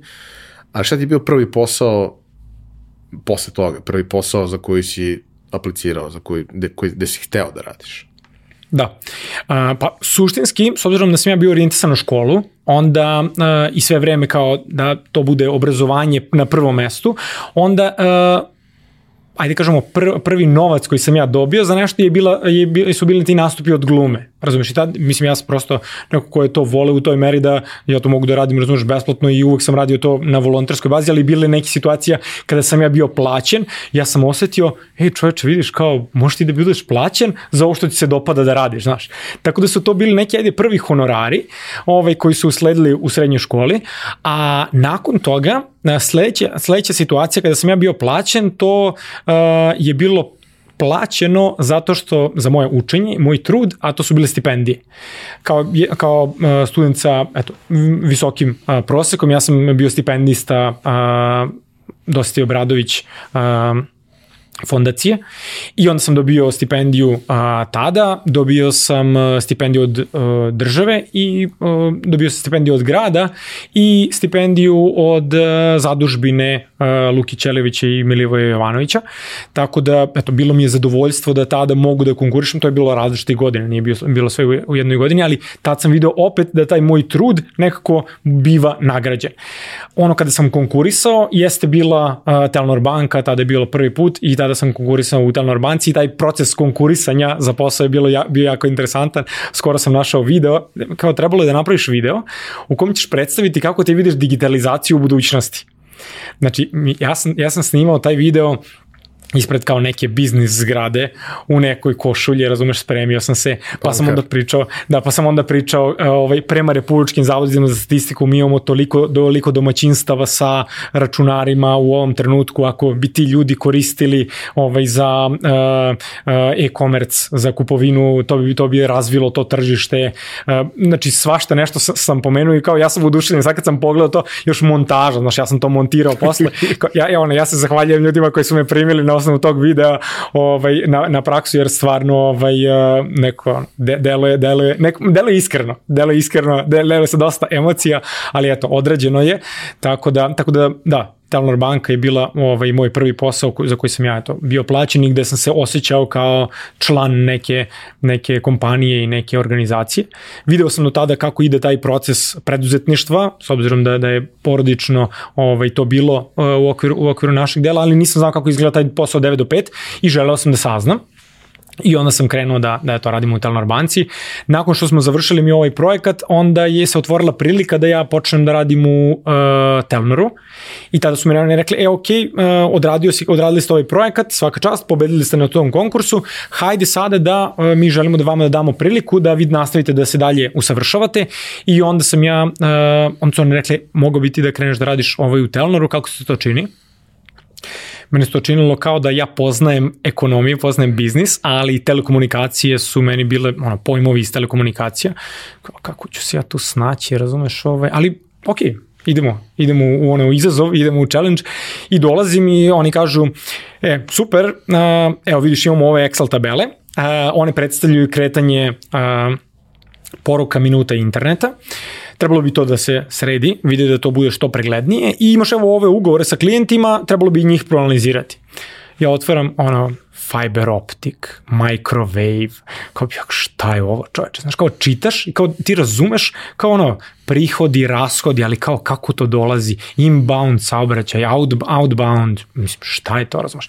I onda sam shvatio da ja, ok, poznajem to, ali moram da se posvetim da naučim ja neke nove termine i da naučim neku novu oblast uzmem notes i, ovaj, i krenem odem kod jedne osobe i kažem, e vidi, ako bi mogla samo da mi objasniš kontekst ovoga, šta znači to ovaj inbound, šta znači outbound saobraćaj, može samo to, on objašnjava mi, ja vodim beleške, ono što je jako važno, nemoj postavljati pit, jedno isto pitanje ono više puta, to mi je neko bila, bila vodilja i vodim beleške o svemu, razumiješ? I onda sam ja krenuo i sloj po sloj otvaram ovaj, sve šta ja to treba da znam da bih ra radio posao na najvišem mogućem nivou.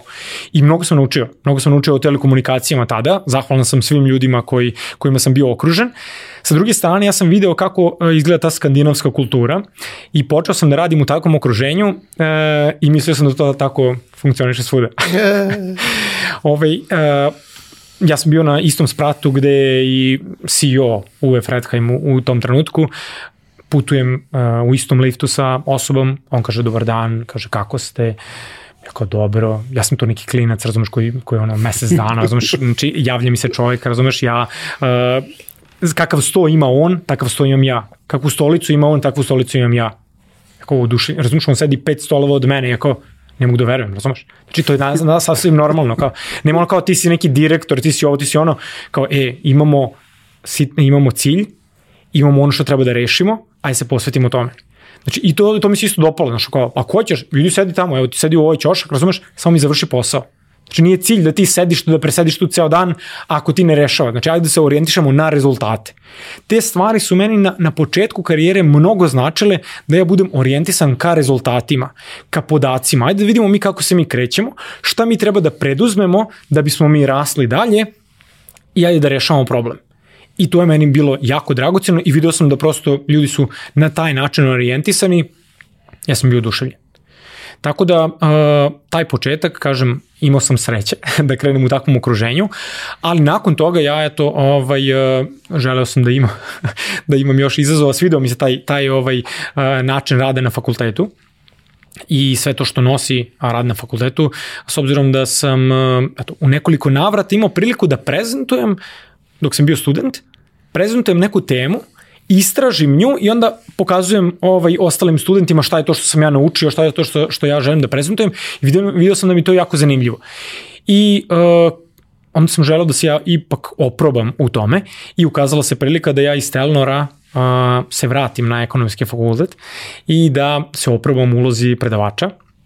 Tako da sam a, nakon toga počeo da a, radim kao predavač na osnovom ekonomije I paralelno fakultet je rekao, e vidi, uh, mi bismo želeli da sada organizujemo ofis za studente, uh, za studente, za sve studente na fakultetu. Na ekonomskom fakultetu ne postoji uh, Excel ili Office koji te prati kroz uh, godine studiranja ili rad sa podacima koji te prati kroz uh, ceo proces studiranja. Uh, fakultet je prosto jedan smer, ovaj koji sam ja završio statistike, informatike i kvantitivne financije, koji ima a taj rad sa podacima i svim ostalim, ali je fakultet rekao mislimo da, mislimo da bi trebali i ostali ljudi da imaju, a to ćemo organizovati tako što ćemo imati kurs na kraju, na kraju e, fakulteta, za one koji završe fakultet, da oni imaju tu edukaciju.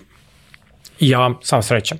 Evo, ja se prvi prijavljujem da ja ovaj kreiram tu, tu uh, tu edukaciju i onda sam zajedno sa svim ostalim ljudima na fakultetu kreirali smo kurs koji završavaju ljudi koji završe, završe osnovne studije, a primarno je za Excel i onda uključujemo tu i Word i Access. Znači, opet kažem, primarno je za Excel, taj kurs i dalje živi na ekonomskom fakultetu.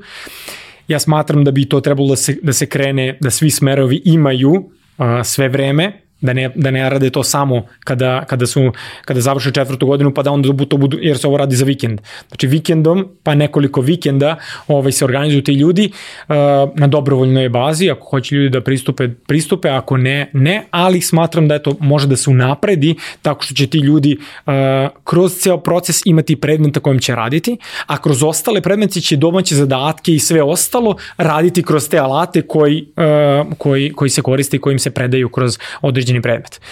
E, tako da smo kreirali taj kurs, ja sam krenuo da radim na osnovu ekonomije. Uh, ono što je meni bilo jako dragoceno jeste da sam mogao da se stavim u situaciju kada sam ja bio student i da sam želeo tim ljudima koji dolaze da pomognem na onaj način i da uh, im pružim ono što smatram da je meni trebalo u tom trenutku. Znači, shvatio sam da je meni trebala podrška tada i ja kad sam došao na prve vežbe, ja sam rekao, dobar dan, ja ću biti vaš predavač iz osnovne ekonomije i ja sam ovde da vam pomognem da naučite ovaj predmet. Znači, mi nismo na suprotnim stranama, ja nisam neko ko vas ispituje, ja nisam neko ko vas proziva, ja sam neko ko vam pomaže da vi položite ovaj predmet i da naučite sve na ovom predmetu. I tada je to bila ono totalno drugačije, drugačiji pogled na odnos sa studentima i rad sa studentima, jer onda su svi gledali to, e, svi zajedno radimo na tome i svi težimo uh, ka istom cilju, a to je da položimo ovaj predmet. I onda sam rekao, e, vidite, ova knjiga ima ne znam, hiljadu strana, treba da je podelimo u tri, dena, u tri dela, prvi kolokvijum će biti tada, drugi kolokvijum će biti tada, tre, treći kolokvijum tada, ispit je tada i tada, hajde da se organizujemo, da podelimo ovo u sitnije celine, da radimo posvećeno i ostvarit ćemo ovaj rezultat. Mislim da je to, evo, pošto sada ti ljudi završavaju uh, ekonomski fakultet i u kontaktu sam sa svim tim ljudima, često se javi i kažu da su im ti početni koraci bili jako važni da steknu samopouzdanje, da steknu te neku radnu naviku i rutinu koja im je dalje pomogla da stvarno vole to što rade i da prosto imaju neku, neki odnos prema ekonomiji i prema učenju. A, pored a, osnovne ekonomije, ja sam držao onda je došao letnji semestar, pa sam držao uh, osnovne statističke analize, tako da sam statistiku uh, predavao svim tim ljudima, uh, pa smo onda samo nastavili saradnju i opet uh, ovaj, kroz isti princip nisam ja tu neko ko predaje, ja sam tu neko ko usmerava te ljude, tako da kad dođem na čas, ja kažem, ok, ajmo ljudi da vidimo šta je danas to što treba da se radi, pokažemo zadatak na kom treba da se radi, da vidimo ko će da radi. I naravno niko se ne javlja u početku, ali ja kažem, ok, nije cilj da ja vama ovde ponavljam to što ste čuli na predavanjima, cilj je da vežbamo. Nije nikakav problem ako pogrešite, znači cilj je da dođemo do nekog rezultata. I onda vidiš neke bojažljive ručice koje se javljaju i onda dođu i onda hajde vidimo uh, kako bi ovo moglo da se reši. Pa evo, moglo bi na taj način. Zašto?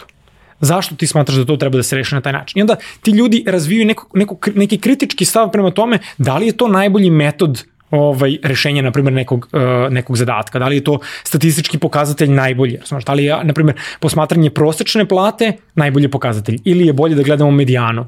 kao, kao pokazatelj. Razumeš? Zašto je to, ovaj, uh, koje benefite mi zapravo imamo od toga?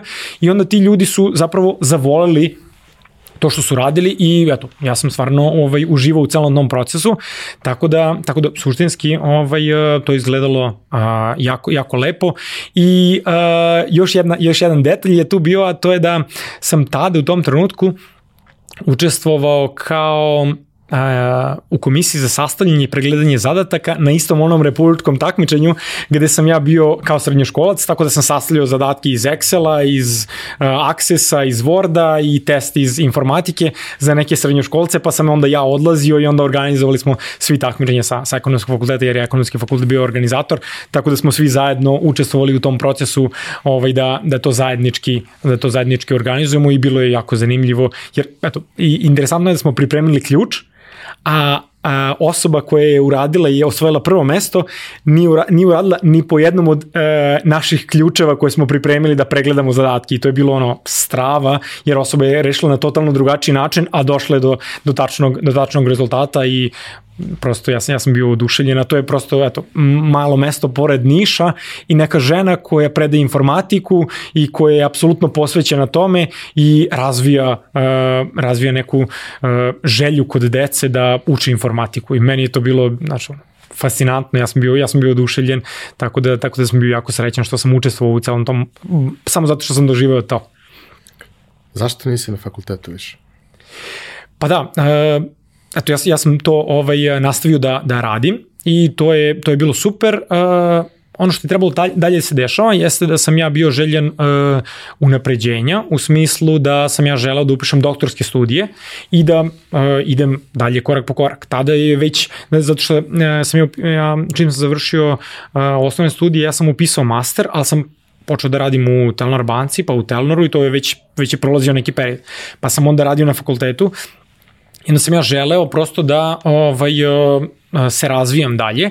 Tako da to je bilo to je bila ovaj jedna strana priče, druga strana priče je da sam ja želeo da organizujem nešto što je što predstavlja data science na ekonomskom fakultetu, odnosno želeo sam da to ide u pravcu da ti ljudi koji završavaju ekonomski fakultet ne budu uh, čisto ekonomisti, nego da budu ljudi koji će znati da radi sa podacima i da izloče i da donose strateške odluke na osnovu podataka.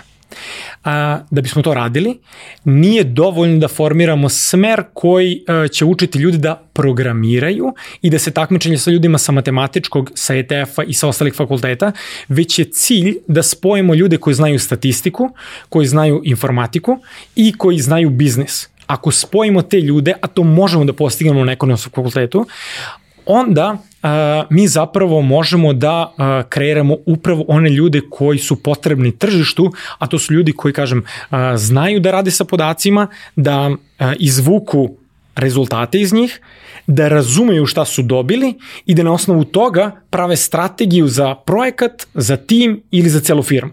Dakle, na taj način da ti ljudi razmišljaju, uh, to je zahtevalo dosta posla, ja sam bio apsolutno željen da se posvetim tome. Uh, međutim, uh, eto, krajnji rezultat je bio da uh, za te ideje i za mene nema mesta, što je rezultiralo tome da sam ja eto, u jednom trenutku samo a, dobio informaciju da ja prestajem sa radom, da se moja, moja aktivnost na fakultetu završava i da to je to, ovaj, pošto sam ja paralelno počeo da radim sa, paralelno sa fakultetom, ja sam počeo da radim u Republičkom zavodu za statistiku, zato što sam ja želeo da radim pored toga i u Zavodu za statistiku da bih praktične neke stvari koje se primenjuju u Republičkom zavodu za statistiku prenosio studentima, a sa druge strane studente uključivao u ono što se dešava i smatrao sam da, znači meni nije bilo teško da ja odem u RZS u pola osam ujutru, da radim do pola četiri, da u, od pola četiri do četiri trčim na fakultet, da od četiri do osam držim vežbe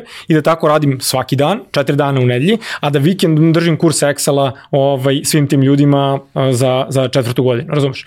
Ovaj, ja, jer ja sam smatrao da moram da konektujem te dve stvari i da ljude povezujem sa privredom i to što sam ja predavač na ekonomskom fakultetu ne znači da ja treba da budem isključen iz privrede. Znači ja moram da budem uključen u ta, u ta dešavanja i meni nije bilo teško da to radim, ali eh, eto, eh, kada, kada smo mi to sve to sumirali, na kraju se ispostavilo da sam ja možda eh, preambiciozan i da ja možda prebrzo želim da se te stvari dogode i eto, rečeno je da, da ovaj, za mene nema mesta i da uh, sam ja bukvalno samo, samo preko noći mi je rečeno da, da ovaj, više ne radim na fakultetu. I iz tog razloga sam ja rekao, dobro, ako uh, vi nećete da mi date priliku ovde, ja ću napraviti svoj fakultet Tako da, tako da sam u tom trenutku, uh, to je isto bila, bio jako težak trenutak za mene, da on, se svičujem, ali uh, sam rekao, uh, dobro, ako je već takva situacija, ja ću napraviti fakultet i sve ove ideje koje imam, ja ću to realizovati uh, u svoje režiji i onda sam krenuo da, da guram priču dalje i da, da radim, tako da sam nastavio dalje da radim u Republičkom zavodu za statistiku. A, svašta nešto sam naučio tu što se tiče podataka, što se tiče statističkog sistema, što se tiče ostalih institucija u okviru države, jer smo hteli da povežemo te institucije i bilo je jako zanimljivo. Ali se tada desilo i da na LinkedInu mi stiže pozive kao pratimo ono što ti radiš, volili bismo da a, se pridružiš našem timu u e-frontu, odnosno u BlackRocku, a, jer radimo na jednom novom projektu, jednoj, a, jednom procesu automatizacije i mislimo da bi ti mogao da daš svoj doprinos tome. Uh, ja kad sam izašao sa fakulteta, to je bio 8. mart, ovaj, ja sam rekao, ok, stvari moraju da se, da se da idu svojim tokom, 31. marta sam već okrenuo priču, otvorio Excel Grašić profil na društvenim mrežama i rekao oguramo ovaj, sa strane jer to je nešto u čemu ja uživam, želim da podelim sa ljudima to što znam, mislim da će nekome biti korisno, ok, radit ću i u kompanijama, pa ćemo vidjeti kako će to ići. Tako da sam ovaj, nakon Republičkog zavoda statistiku prešao u kompaniju i nastavio da radim od 9 do 5 standardno, a razvio sam uh, profile na društvenim mrežama gde ću deliti ono, tips and tricks uh, o Excelu konkretno, korisno, jer sam smatrao, eto, ako se specializujem za to, ti ljudi, tim ljudima će biti to korisno i znači da, da mogu nekoga da prate. I tako je ta priča onda počela, to je završila se sa fakultetom, a nastavila se sa mojim, sa mojim udelom i učešćem u privredi. I onda sam ja radio na projektima u e-frontu težili smo prosto da automatizujemo ceo proces, te procese koji se, koji se dešavaju u kompaniji.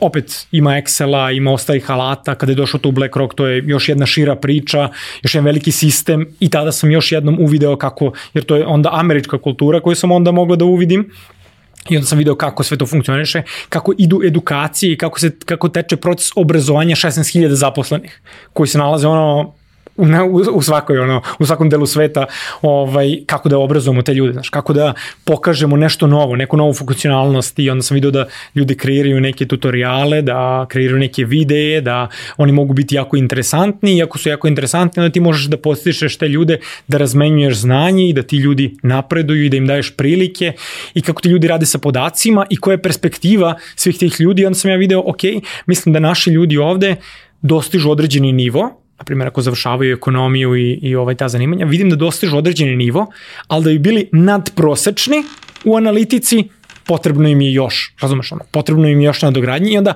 ako ti kompanija daje priliku i ako te podstiče da prolaziš određene edukacije, kurseve i sve ostalo, to je super.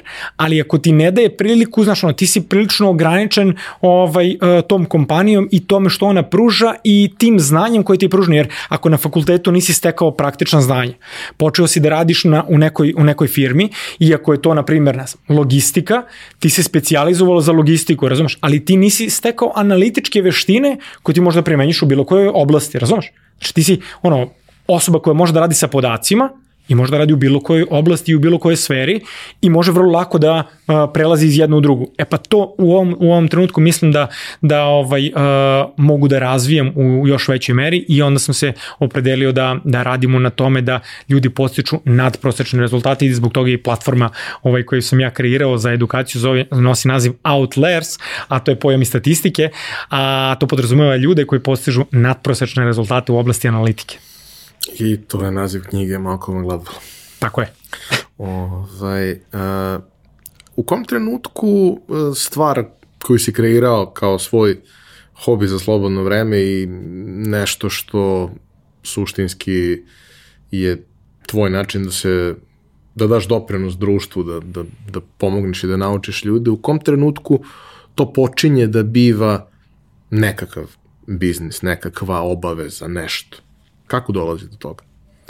Pa u suštini ja sam krenuo ono, sa standardno društvenim mrežama, sa Instagramom i Facebookom sam krenuo najnormalnije i kao hajde da kreiramo nešto.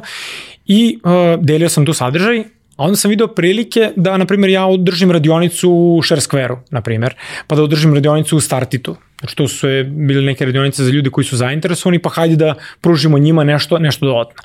Međutim, javljali su se ljudi dok sam ja držao kurs na uh, ekonomskom fakultetu, javljali su mi se ljudi iz kompanije i rekli, jel možemo mi da se pridružimo uh, tom kursu Excela na fakultetu. Mislim, to su moji prijatelji, ovaj, ali sada radi u kompanijama i želeli bi da nauče ove nešto u Excelu. I onda kažem, je pa ne može zato što je to ovaj, za, za ovaj, ove ljude koji su studenti trenutno ekonomskog fakulteta, vi ste kao ovaj, ranije bili, tako da ne možemo sada, ali hoću ja privatno da ti pomognem, nije nikakav problem. I onda sam ja pomagao tim ljudima i onda ovaj, znaš, ono, javljaju se ljudi na, na Instagramu i kažu, e, jel možda mi rešiš ovaj problem? Ja sam apsolutno otvoren i znaš, sešću i pomoći ću ovaj, e, koliko god mogu, ali onda oni kažu, e, e, ja bih hteo edukaciju, e, jel mogu ti da, da ovaj, mi pomogneš da mi odradimo ovo? I onda sam ja rekao, e, ok, ajde da napravim ovaj, sada takav kurs koji će biti orijentisan na praktičnu primenu svega ovoga. Znači ono što ja nisam imao, gde su mi ljudi pokazivali to kao funkcionalnost, ali ne kao praktičnu primenu, ajde da pokažem to i da uradim na taj način. I onda ja to ovaj, kreiram kroz kurs, pratim Microsoftovu sertifikaciju, jer ima Microsoft uh, kao sinopsis neki koji uh, obuhvata šta to treba da ima edukacija od početnog do naprednog nivoa i ekspert nivo Excela šta treba da obuhvata i ja pratići to kreiram edukaciju i onda ljudi krenu da se raspituju prvo kao, kao ovako pratioci, a onda kažu, je pa vidiš nama kao kompaniji bi, bio dobar ovaj trening i onda krenem ja sa njima da radim i to se tako tako ovaj zavrti, gde ljudi onda prepoznaju i dolaze preko preporuke. Sada imaš tu kompanije koje kažu, e, nama treba trening, a s druge strane imaš, uh, na primjer, preduzetnike koji kažu, e, meni treba analitika, Razumeš, znači meni treba da ja pratim šta se dešava sa mojim poslovanjem. Znači da, da ja vidim koji su moji prilivi, koji su moji odlivi, da automatizujem da mi sam generiše KPO knjigu, na primjer, da mi sam generiše fakturu, da ja mogu to sve sve da odredim automatski, ako možemo to na taj način da odredimo. Onda kompanija kaže, e, mi bismo hteli da standardizujemo određeni proces koji imamo u kompaniji, mi imamo neki proces izveštavanja, ali da li možemo da ga standardizujemo i ti njima to da pokažeš uh, kako to da oni odrade evo sad na primjer radim upravo tako jedan proces, seli smo sa jednom velikom kompanijom, seli smo i onda su oni rekli vidi, mi hoćemo da kada dođe ne, nova osoba u tim, da ona može da uvidi koji je to način i koji su to koraci koje ona treba da odradi da bi odradila ovaj proces izveštavanja. I onda smo mi prvo standardizovali taj proces, a onda sam ja snimio tutoriale specijalizovane za njih, kako bi njihovi zaposleni, svako nov koji dođe u tim, on pogleda prvo te tutoriale, pa onda ide dalje. I to se dešavalo i u svim velikim kompanijama u kojima sam ja radio, znači neće sad imati osobu koja će ono, ići od jednog do drugog i objašnjavati, nego prosto imaš ono tutoriale, imaš snimljeno, odradi to korak po korak, pa ako imaš neka dodatna pitanja da idemo dublje u tu temu, onda dođi, pa ćemo onda da, da, da ali ajde da eliminišemo 90% ponavljanja. Tako je. Tako je. A, u kom trenutku ta priča prerasta iz hobija u ono što, mislim, hobija koji, ok, postaje sve ozbiljniji u nešto gde ti možeš da kažeš, e, ok, ja ću samo ovim da se bavim. Da, a, to je važan trenutak, a, to je važan trenutak jer a, prosto bilo je samo bitno da ja izdefinišem viziju kako će to da ide nadalje i u kom pravcu će se to kretati.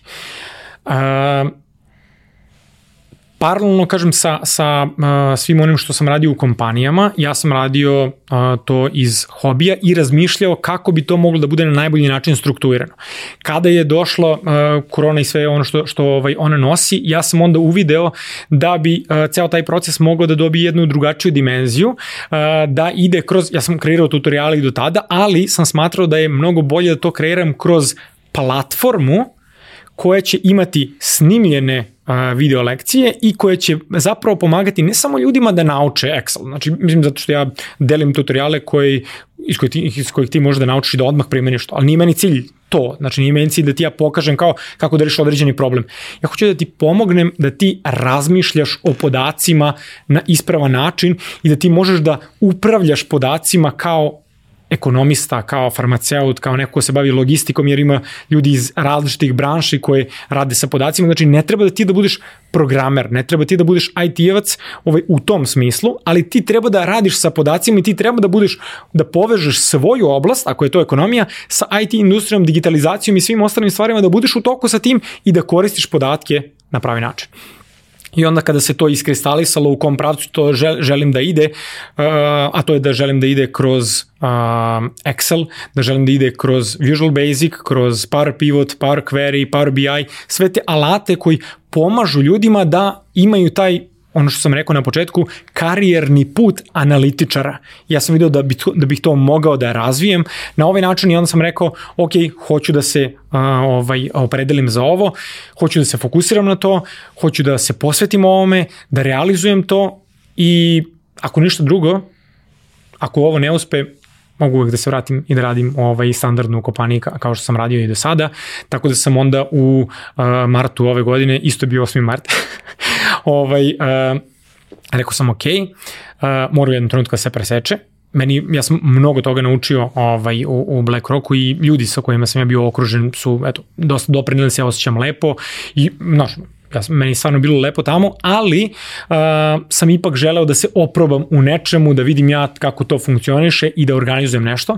Mislim da je takođe jako, jako dobro ako bi kompanija mogla da iznese taj preduzetnički duh nekoga da tu osobu zadrži u kompaniji. Jer ja sam često razmišljao kao da li uh, ovakve neke stvari uh, sam ja mogu da radim u okviru kompanije da mi je kompanija dala priliku. To mi isto bilo interesantno, ovaj, da mi je kompanija dala priliku da razvijem takve neke stvari, a da ostanem, da imam tu slobodu da, da razvijam preduzetništvo, tako da mislim, eto, mislim da se to dešava u kompanijama, ovaj, možda ne u, u velikoj meri, ali da postiče taj preduzetnički duh, a da zadržava tu osobu da ne mora ona nužno da ode. U ovom trenutku ja sam odlučio da, eto, napravim taj uh, iskorak, ovaj, presekao sam i kažem, radio sam paralelno te stvari, mislim da je to jako važno. Uh, pojačalo je meni tu još jednom uh, puno pomoglo i tvoj podcast iz izolacije, ovaj, iako si se ti nervirao zbog zvuka, vetra i svega ostalog, ali meni je to bilo jako dragoceno u tim trenucima da ti vidiš da nešto može, da, kako da napraviš strategiju, kako to da izgleda, u kom pravcu da ide i onda sam ja ovaj, odlučio, ok, uh, mislim da već imam izgrađen plan, mislim da imam neku već uzlaznu ovaj, uh, ono, skakaonicu koja mogu da da ovaj se lansiram uh, što se tiče uh, iskustva, što se tiče svega ostalog imam samopouzdanja, često sam se pitao da li, na primjer, je trebalo da krenem ranije time da se bavim, jer kao, e, ok, ja možda ovaj, um, radio sam u kompanijama, ali kao, šta da sam ja o, počeo ranije, vidiš, znaš, gde bi ti ja sad stigao kao da, da sam ja došao do sada. Ali ne, mislim da i ovo što sam, što sam doživeo do sada, mislim da je to jako dragoceno, jer to mi je iskustvo koje, možda zapravo ja njega ne budem svestan, ali kad pričam sa ostalim ljudima koji su preduzetnici, oni kažu, e pa kao ti se radi u nekim ogromnim sistemima. Ja sam tamo video kako se vode veliki timovi, kako se vode velike kompanije, kako se e, na taj način ljudi organizuju i danas kada ja odem da pričam sa kompanijom da mi organizujemo e, trening, odnosno da dođu na platformu, ja kažem, prosto razumem njih kako je to, jer sam bio sa te druge strane i bio sam deo ovaj, takvog nekog velikog sistema i znam šta će to značiti kompaniji, tako da u tom smislu svo to, svo to iskustvo je meni dragoceno, ali sada kada ovaj, se sam se opredelio da ja budem sa ove strane preduzetničke i da moram da odem i da ponudim usluge, ovaj, to, je meni, to je meni jako dragoceno i taj pravac u kojem, u kojem se krećem, eto, ja mislim da je ispravan i da mislim da mogu da dam neki doprinos ovaj, društvu, odnosno da ga unapredim u toj oblasti analitike i rada, rada sa podacima. Meni lično jako znači što ti mnogo svojih stvari pričaš upravo kroz neke vrlo konkretne i životne primere sa kojima svi možemo da se asociramo.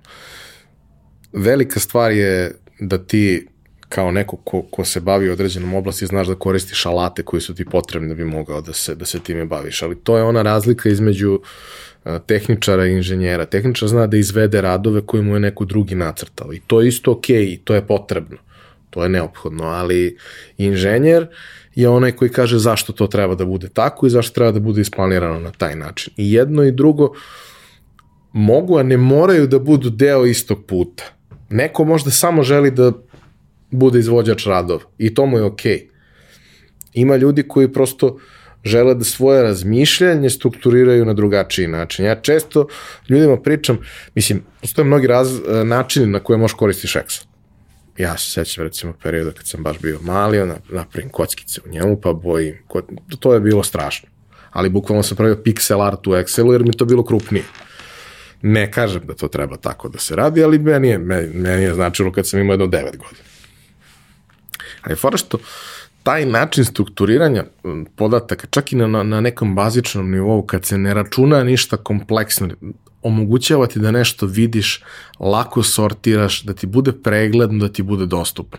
Ako naučiš sebe da stvari radiš redovno, da ti to bude neka vrsta ono, rituala, dešava se čudo. Neka priča s ljudima, kao da da, ali znaš, ali to ne može, ja Excel tek kad sednem za kompjuter.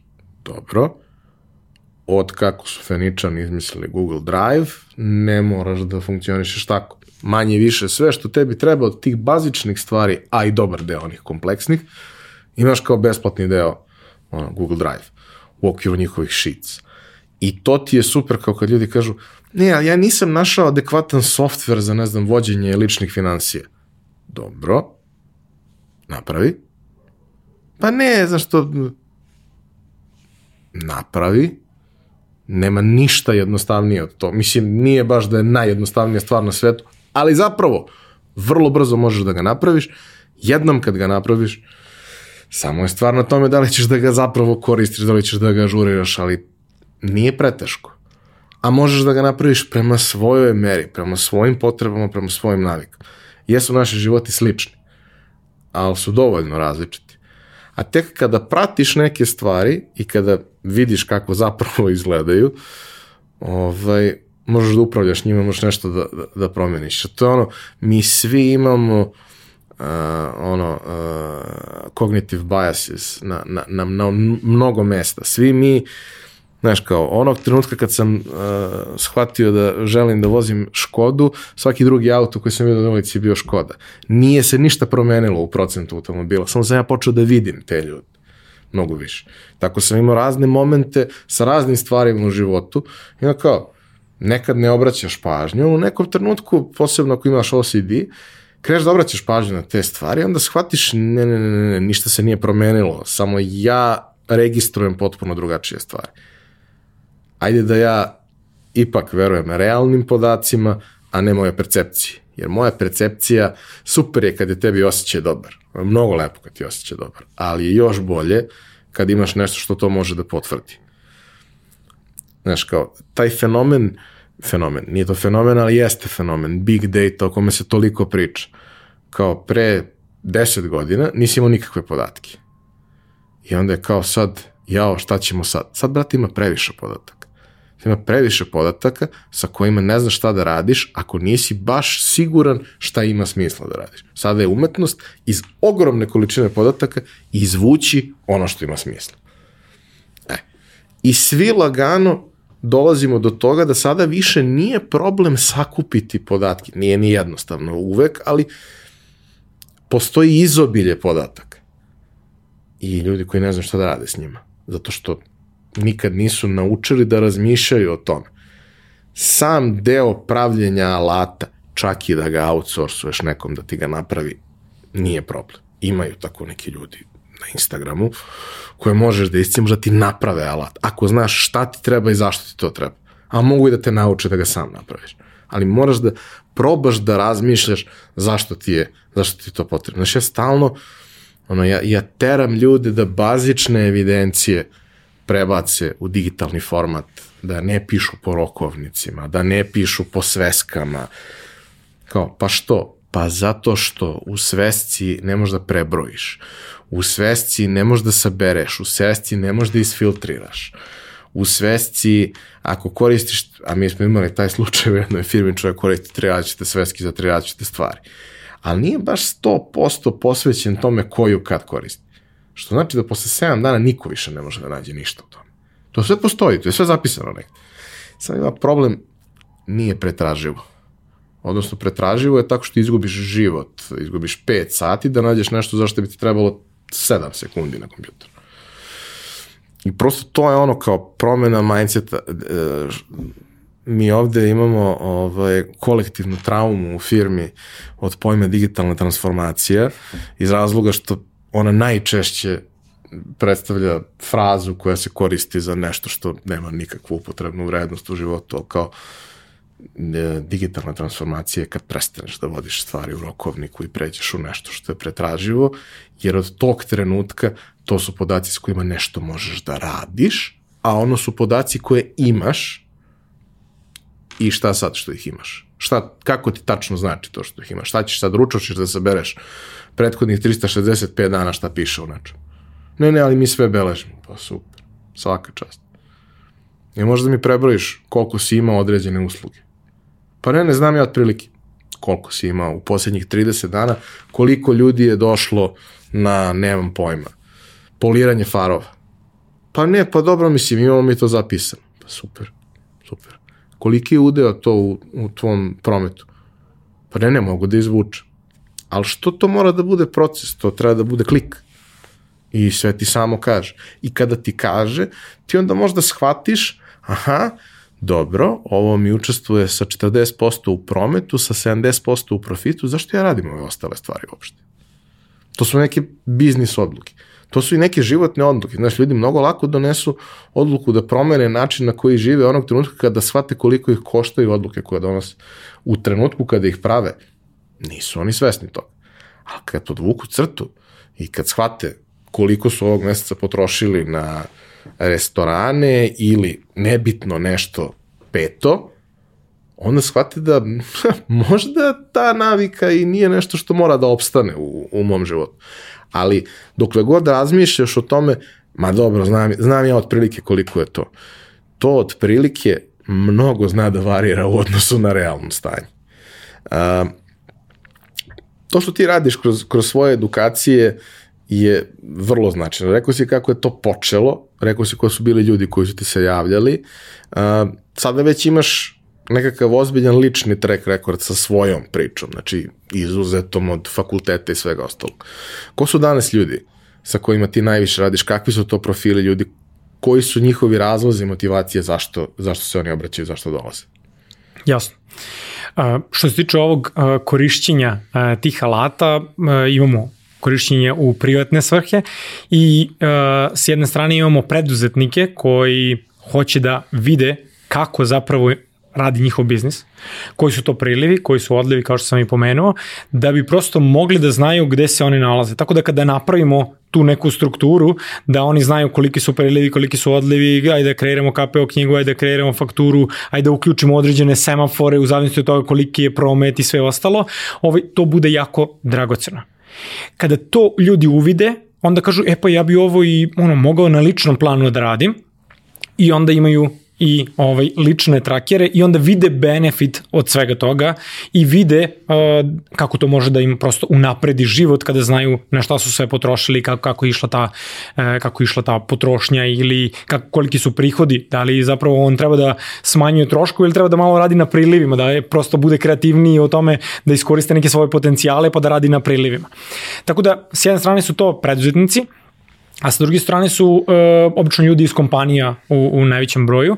Uh, to su ljudi koji s jedne strane možda kao žele kao uh, pojedinci iz kompanija da unaprede svoje znanje, a sa druge strane onda prenesu to informa tu informaciju i onda ceo tim kaže, e pa mi, smo, mi bismo zajednički mogli da unapredimo naše znanje. I sad obično su to ljudi iz financija, jer u financijama jako često koriste uh, Excel, o, ljudi iz controllinga, uh, ljudi iz HR-a koji hoće da prate, uh, prate zaposlene u smislu uh, statistike koje koliko na odmoru, mislim, imaju, imaju nekada ljudi i uh, softvere koji su kreirani za tu namenu i to je super, ali da bi odradili određenu statistiku, oni žele da uh, odrede još neke analize koje im u tom softveru nisu dostupne i onda prosto mogu da iskoriste Excel kao alat. Uh, međutim, nije Excel, eto, mi krećemo od Excela, ali sa daljim razvojem koristimo sve te alate u zavisnosti od seta podataka kojim kompanija raspolaže. Znači, ako je veći set podataka, onda uključujemo uh, naprednije alate Excela, to su par query i par pivot, gde možemo da radimo nad većim setom podataka. Ako hoćemo da radimo vizualizaciju i kreiranje neke kontrolne table, što se tiče opet Microsoftovih alata, onda koristimo Power BI. Sve to što mi, taj dashboard koji mi napravimo u Power BI-u, možemo da napravimo u Excelu, a ne možemo sa tim sa ono 9 miliona podataka.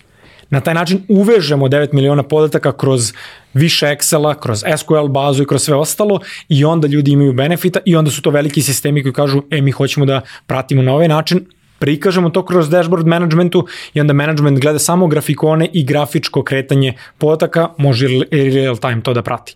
I onda on kaže, aha, ovde su se prodali proizvodi, ovde ovoliko imamo na stanju, možemo da gledamo kakva je profitabilnost, ovoliki su prilivi, ovoliki, ovoliki su odlivi i pri, predstavljamo to grafički. Tako da u zavisnosti od seta podataka, u zavisnosti od seta kompanije, onda ja radim sa uh, različitim uh, setom ljudi ili kompanija e, na kojima to težimo da unapredimo. Znači ako su to preduzetnici, onda težimo da to pojednostavimo maksimalno, da njima pomognemo i da unapredimo bazu, da prosto na klik oni mogu da kreiraju fakture, generišu, tako, tako smo jedan i sistem smo i napravili, znači kreiramo ovaj, template oni na klik unesu uh, koji su to iznosi plaćeni, automatski se generiše faktura u PDF-u, ubaci kao attachment u mail i pošalje na hiljadu adresa za 5 minuta.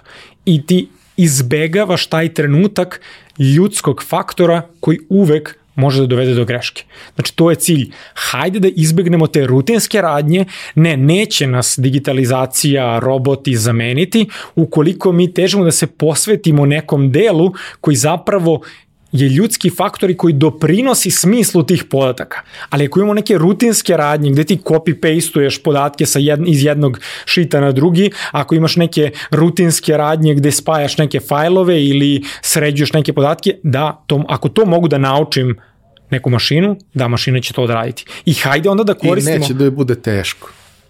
Neće da bude muka. To može na ono na kako odredi za hiljadu podataka tako da će da odredi i za milion. A ti ćeš se ubiti i verovatno ćeš negde pogrešiti. Vidi, vidi, da ti kažem. Znači, kakav god softver za fakture napravio, kakav god tool napravio, postoji realna šansa da ću ja da izdam pogrešnu fakturu. Znači, ne postoji način da neko predupredi i, i, i, i, i spreči mene da pogrešim ako sam dovoljno umoran u trenutku kad izdajem fakturu. Znači, ja ću, ja ću sve ću napisati, samo neću ono što treba. Pa Mislim, da. to se desi jednom u 20 pokušaja, ali na veliki uzorak skupi se toga tokom godine. Pa onda peglamo. Ali znaš, to, to, su, to su sistemi koji su znaš, prilično svesni e, svih tih situacija i znaš, onda, onda sam ostvario saradnju sa takvim sistemom i mnogo mi je drago što su ti ljudi prepoznali e, taj moj trud i želju, tako da sam eto, sa Coca-Colom ostvario saradnju da to organizujemo na taj način, da organizujemo tutoriale, da standardizujemo proces izveštavanja. Onda se javio Continental pa je rekao, ja, ajmo mi da organizujemo, imamo neke stvari koje radimo u okviru Excela, veliki smo sistem, ali hoćemo opet da unapredimo taj proces. Onda se javio naučno-tehnološki park, rekao je, e, mi radimo sa startupovima, ali hoćemo da gledamo njihovu analitiku i hoćemo da doprenesemo svemu tome. Ja sam bio presrećan što su ti ljudi želeli da unaprede uh, taj posao i želeli su to da, da to zajednički radimo i želeli su da svest njihovih zaposlenih podignemo na jedan više nivo. Ja sam bio presrećan. Mislim, ja kad sam vidio, na primjer, opet radio sam i sa Ikeom, sa velikim setom podataka, ja kao, u čoveče kao, ono, ovo je baš super i kao svaka čast što imate kao ceo ovaj set podataka i što možete pomoću par BI-a da, da sve ovo analizirate, ono, zadovoljstvo je raditi na, na ovaj način. I onda kad ti vidiš te primere, prosto onda želim to da prenesem i na ostale, bilo male, bilo velike biznise ovde, da prosto, ono, hajde da automatizujemo taj proces, da sve to ide uh, automatski, a da ti možda se fokusiraš na razvoj biznisa, a ne da ti se ti fokusiraš na neke, ono, čišćenje podataka i sve ostalo, ako to ima određeni set pravilnosti za koje ja mogu da naučim mašinu da uradim mesto tebe. Zašto bismo to radili? Tako ne, da... Često kažem ljudima, ono, nije Excel idealno rešenje za sve što ti treba kada si mali. Ali je često dovoljno dobro rešenje i mnogo bolje od nekog uobičajenog rešenja koji je sveska, rokovnik i slično. I jako dobra prelazna tačka, prelazno rešenje za to da uključiš nekakav CRM, nekakav ERP, nešto što će ti trebati za dve godine kad porasteš ako porasteš. I ako dođeš do toga, te podatke koje imaš u Excelu možeš da uvezeš u nešto tako, a te koje imaš u rokovniku možeš da uvezeš tako što zaposliš 15 ljudi koji uvoze i oni uvoze jedno 2-3 meseca i pogreše jedno 200 puta u tom procesu. Tako da to, to, to stvarno predstavlja, predstavlja veliki problem, ali uh, mislim da eto, doprinosimo razvoju, razvoju toga i onda sam eto, ovaj, između ostalog treba da, prom, da pomenemo još ljude koji, uh, koji koriste to, onda se ja, su se javili Istok i Build i onda su rekli, e, mi mislimo da u digitalnom marketingu uh, isto možemo da pomognemo ljudima da rade analitiku, pored onoga što postoji od alata, ali da oni imaju neki alat koji će moći da prave. I onda smo na Masterboxu kreirali uh, edukaciju koja ide u tom smeru smeru, ajde Excel u digitalnom marketingu. Onda se javio Startit pa je rekao, e mi hoćemo da kreiramo opet neki, ajde da kreiramo neki kurs, to je besplatan kurs koji je dostupan na YouTube-u, ovaj, hajde da kreiramo nešto što bi bilo zanimljivo IT zajednici. Onda sam ja napravio kako ljudi pomoću uh, Excela ako su freelanceri, da prate svoje prilive, odlive i sve ostalo. I taj kurs je dostupan da prosto ljudi pogledaju. Apsolutno sam ja otvoren uvek da, da pomognem i da prilagodim tvojim konkretnim promen, potrebama. Tako da to su, to su neki ljudi. Onda opet se javio, se, se javili ljudi iz Peterhofa, rekli, e mi hoćemo da radiš poslovnu analizu, da pokažeš Excel, da pokažeš Excel u poslovnoj primjeni, tako da smo onda e, kreirali dva kursa koji, koji, su, koji se zovu bukvalno poslovna analiza u Excelu.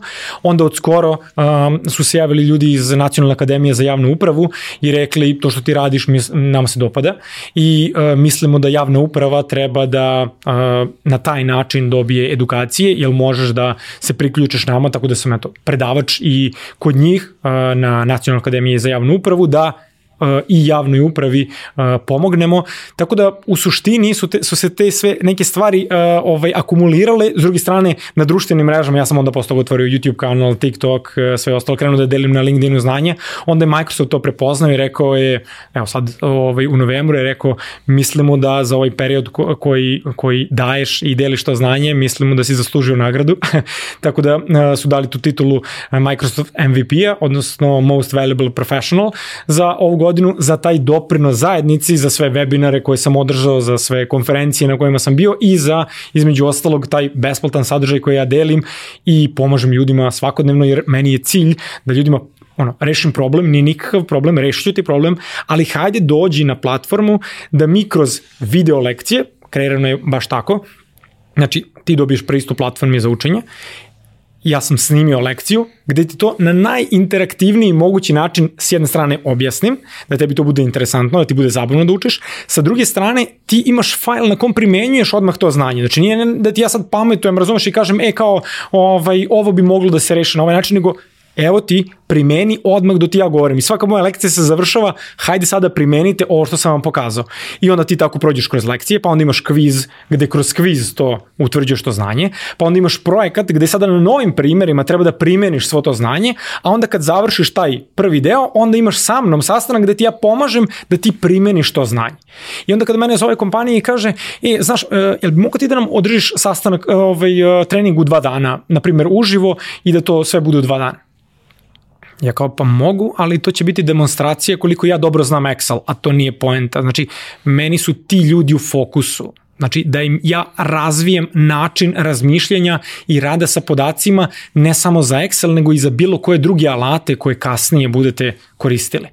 Tako da, na taj način, eto, ide korak po korak, ima kompanija koje to prepoznaju, da taj način ovaj online rada i interakcije može biti jako koristan za ljude i da mora malo da potraje, da ne možemo sve da stavimo u dva dana, ali da ja prosto težim tom kvalitetu i razvoju razmišljanja i strateško kretanje ljudi, da prosto kada su donosioci odluka na osnovu podataka da donose, da donose, da donose odluke i da na taj način vode strateški projekat, tim ili kompaniju, a da budu vođeni rezultatima koje znaju da, da, da ovaj, dobiju i da gledaju na osnovu onoga što imaju i analitike koju posjeduju. Aleksandar, hvala ti za priču koju si podelio. Mislim da je vrlo vredna i značajna.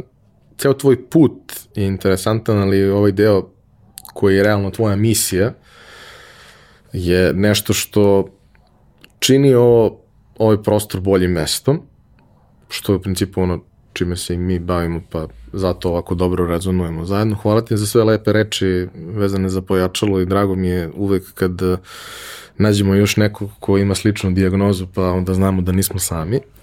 A, hvala vama što ste nas slušali i gledali. A, sve sva pitanja, ne morate baš Excel pitanja, Excel pitanja njemu pišete, ali sva pitanja koja se tiču tog nekog vašeg ličnog razvoja, puta, sva pitanja gde mislite da to što vas zanima može da da vrednost još nekome osim vas, da, da reši nekakav svoj poslovni izazov ili problem, ove, slobodno kao i do sad postavite na za to predviđenim mestima na društvenim mrežama i YouTube-u, bit će nam zadovoljstvo da, da odgovorimo i meni i, Aleksandru. Ja sam zahvalan na, na vašoj pažnji. Uh, to bi bilo to za ovaj put. Mi se čujemo i vidimo ponovo sledeće nedelje.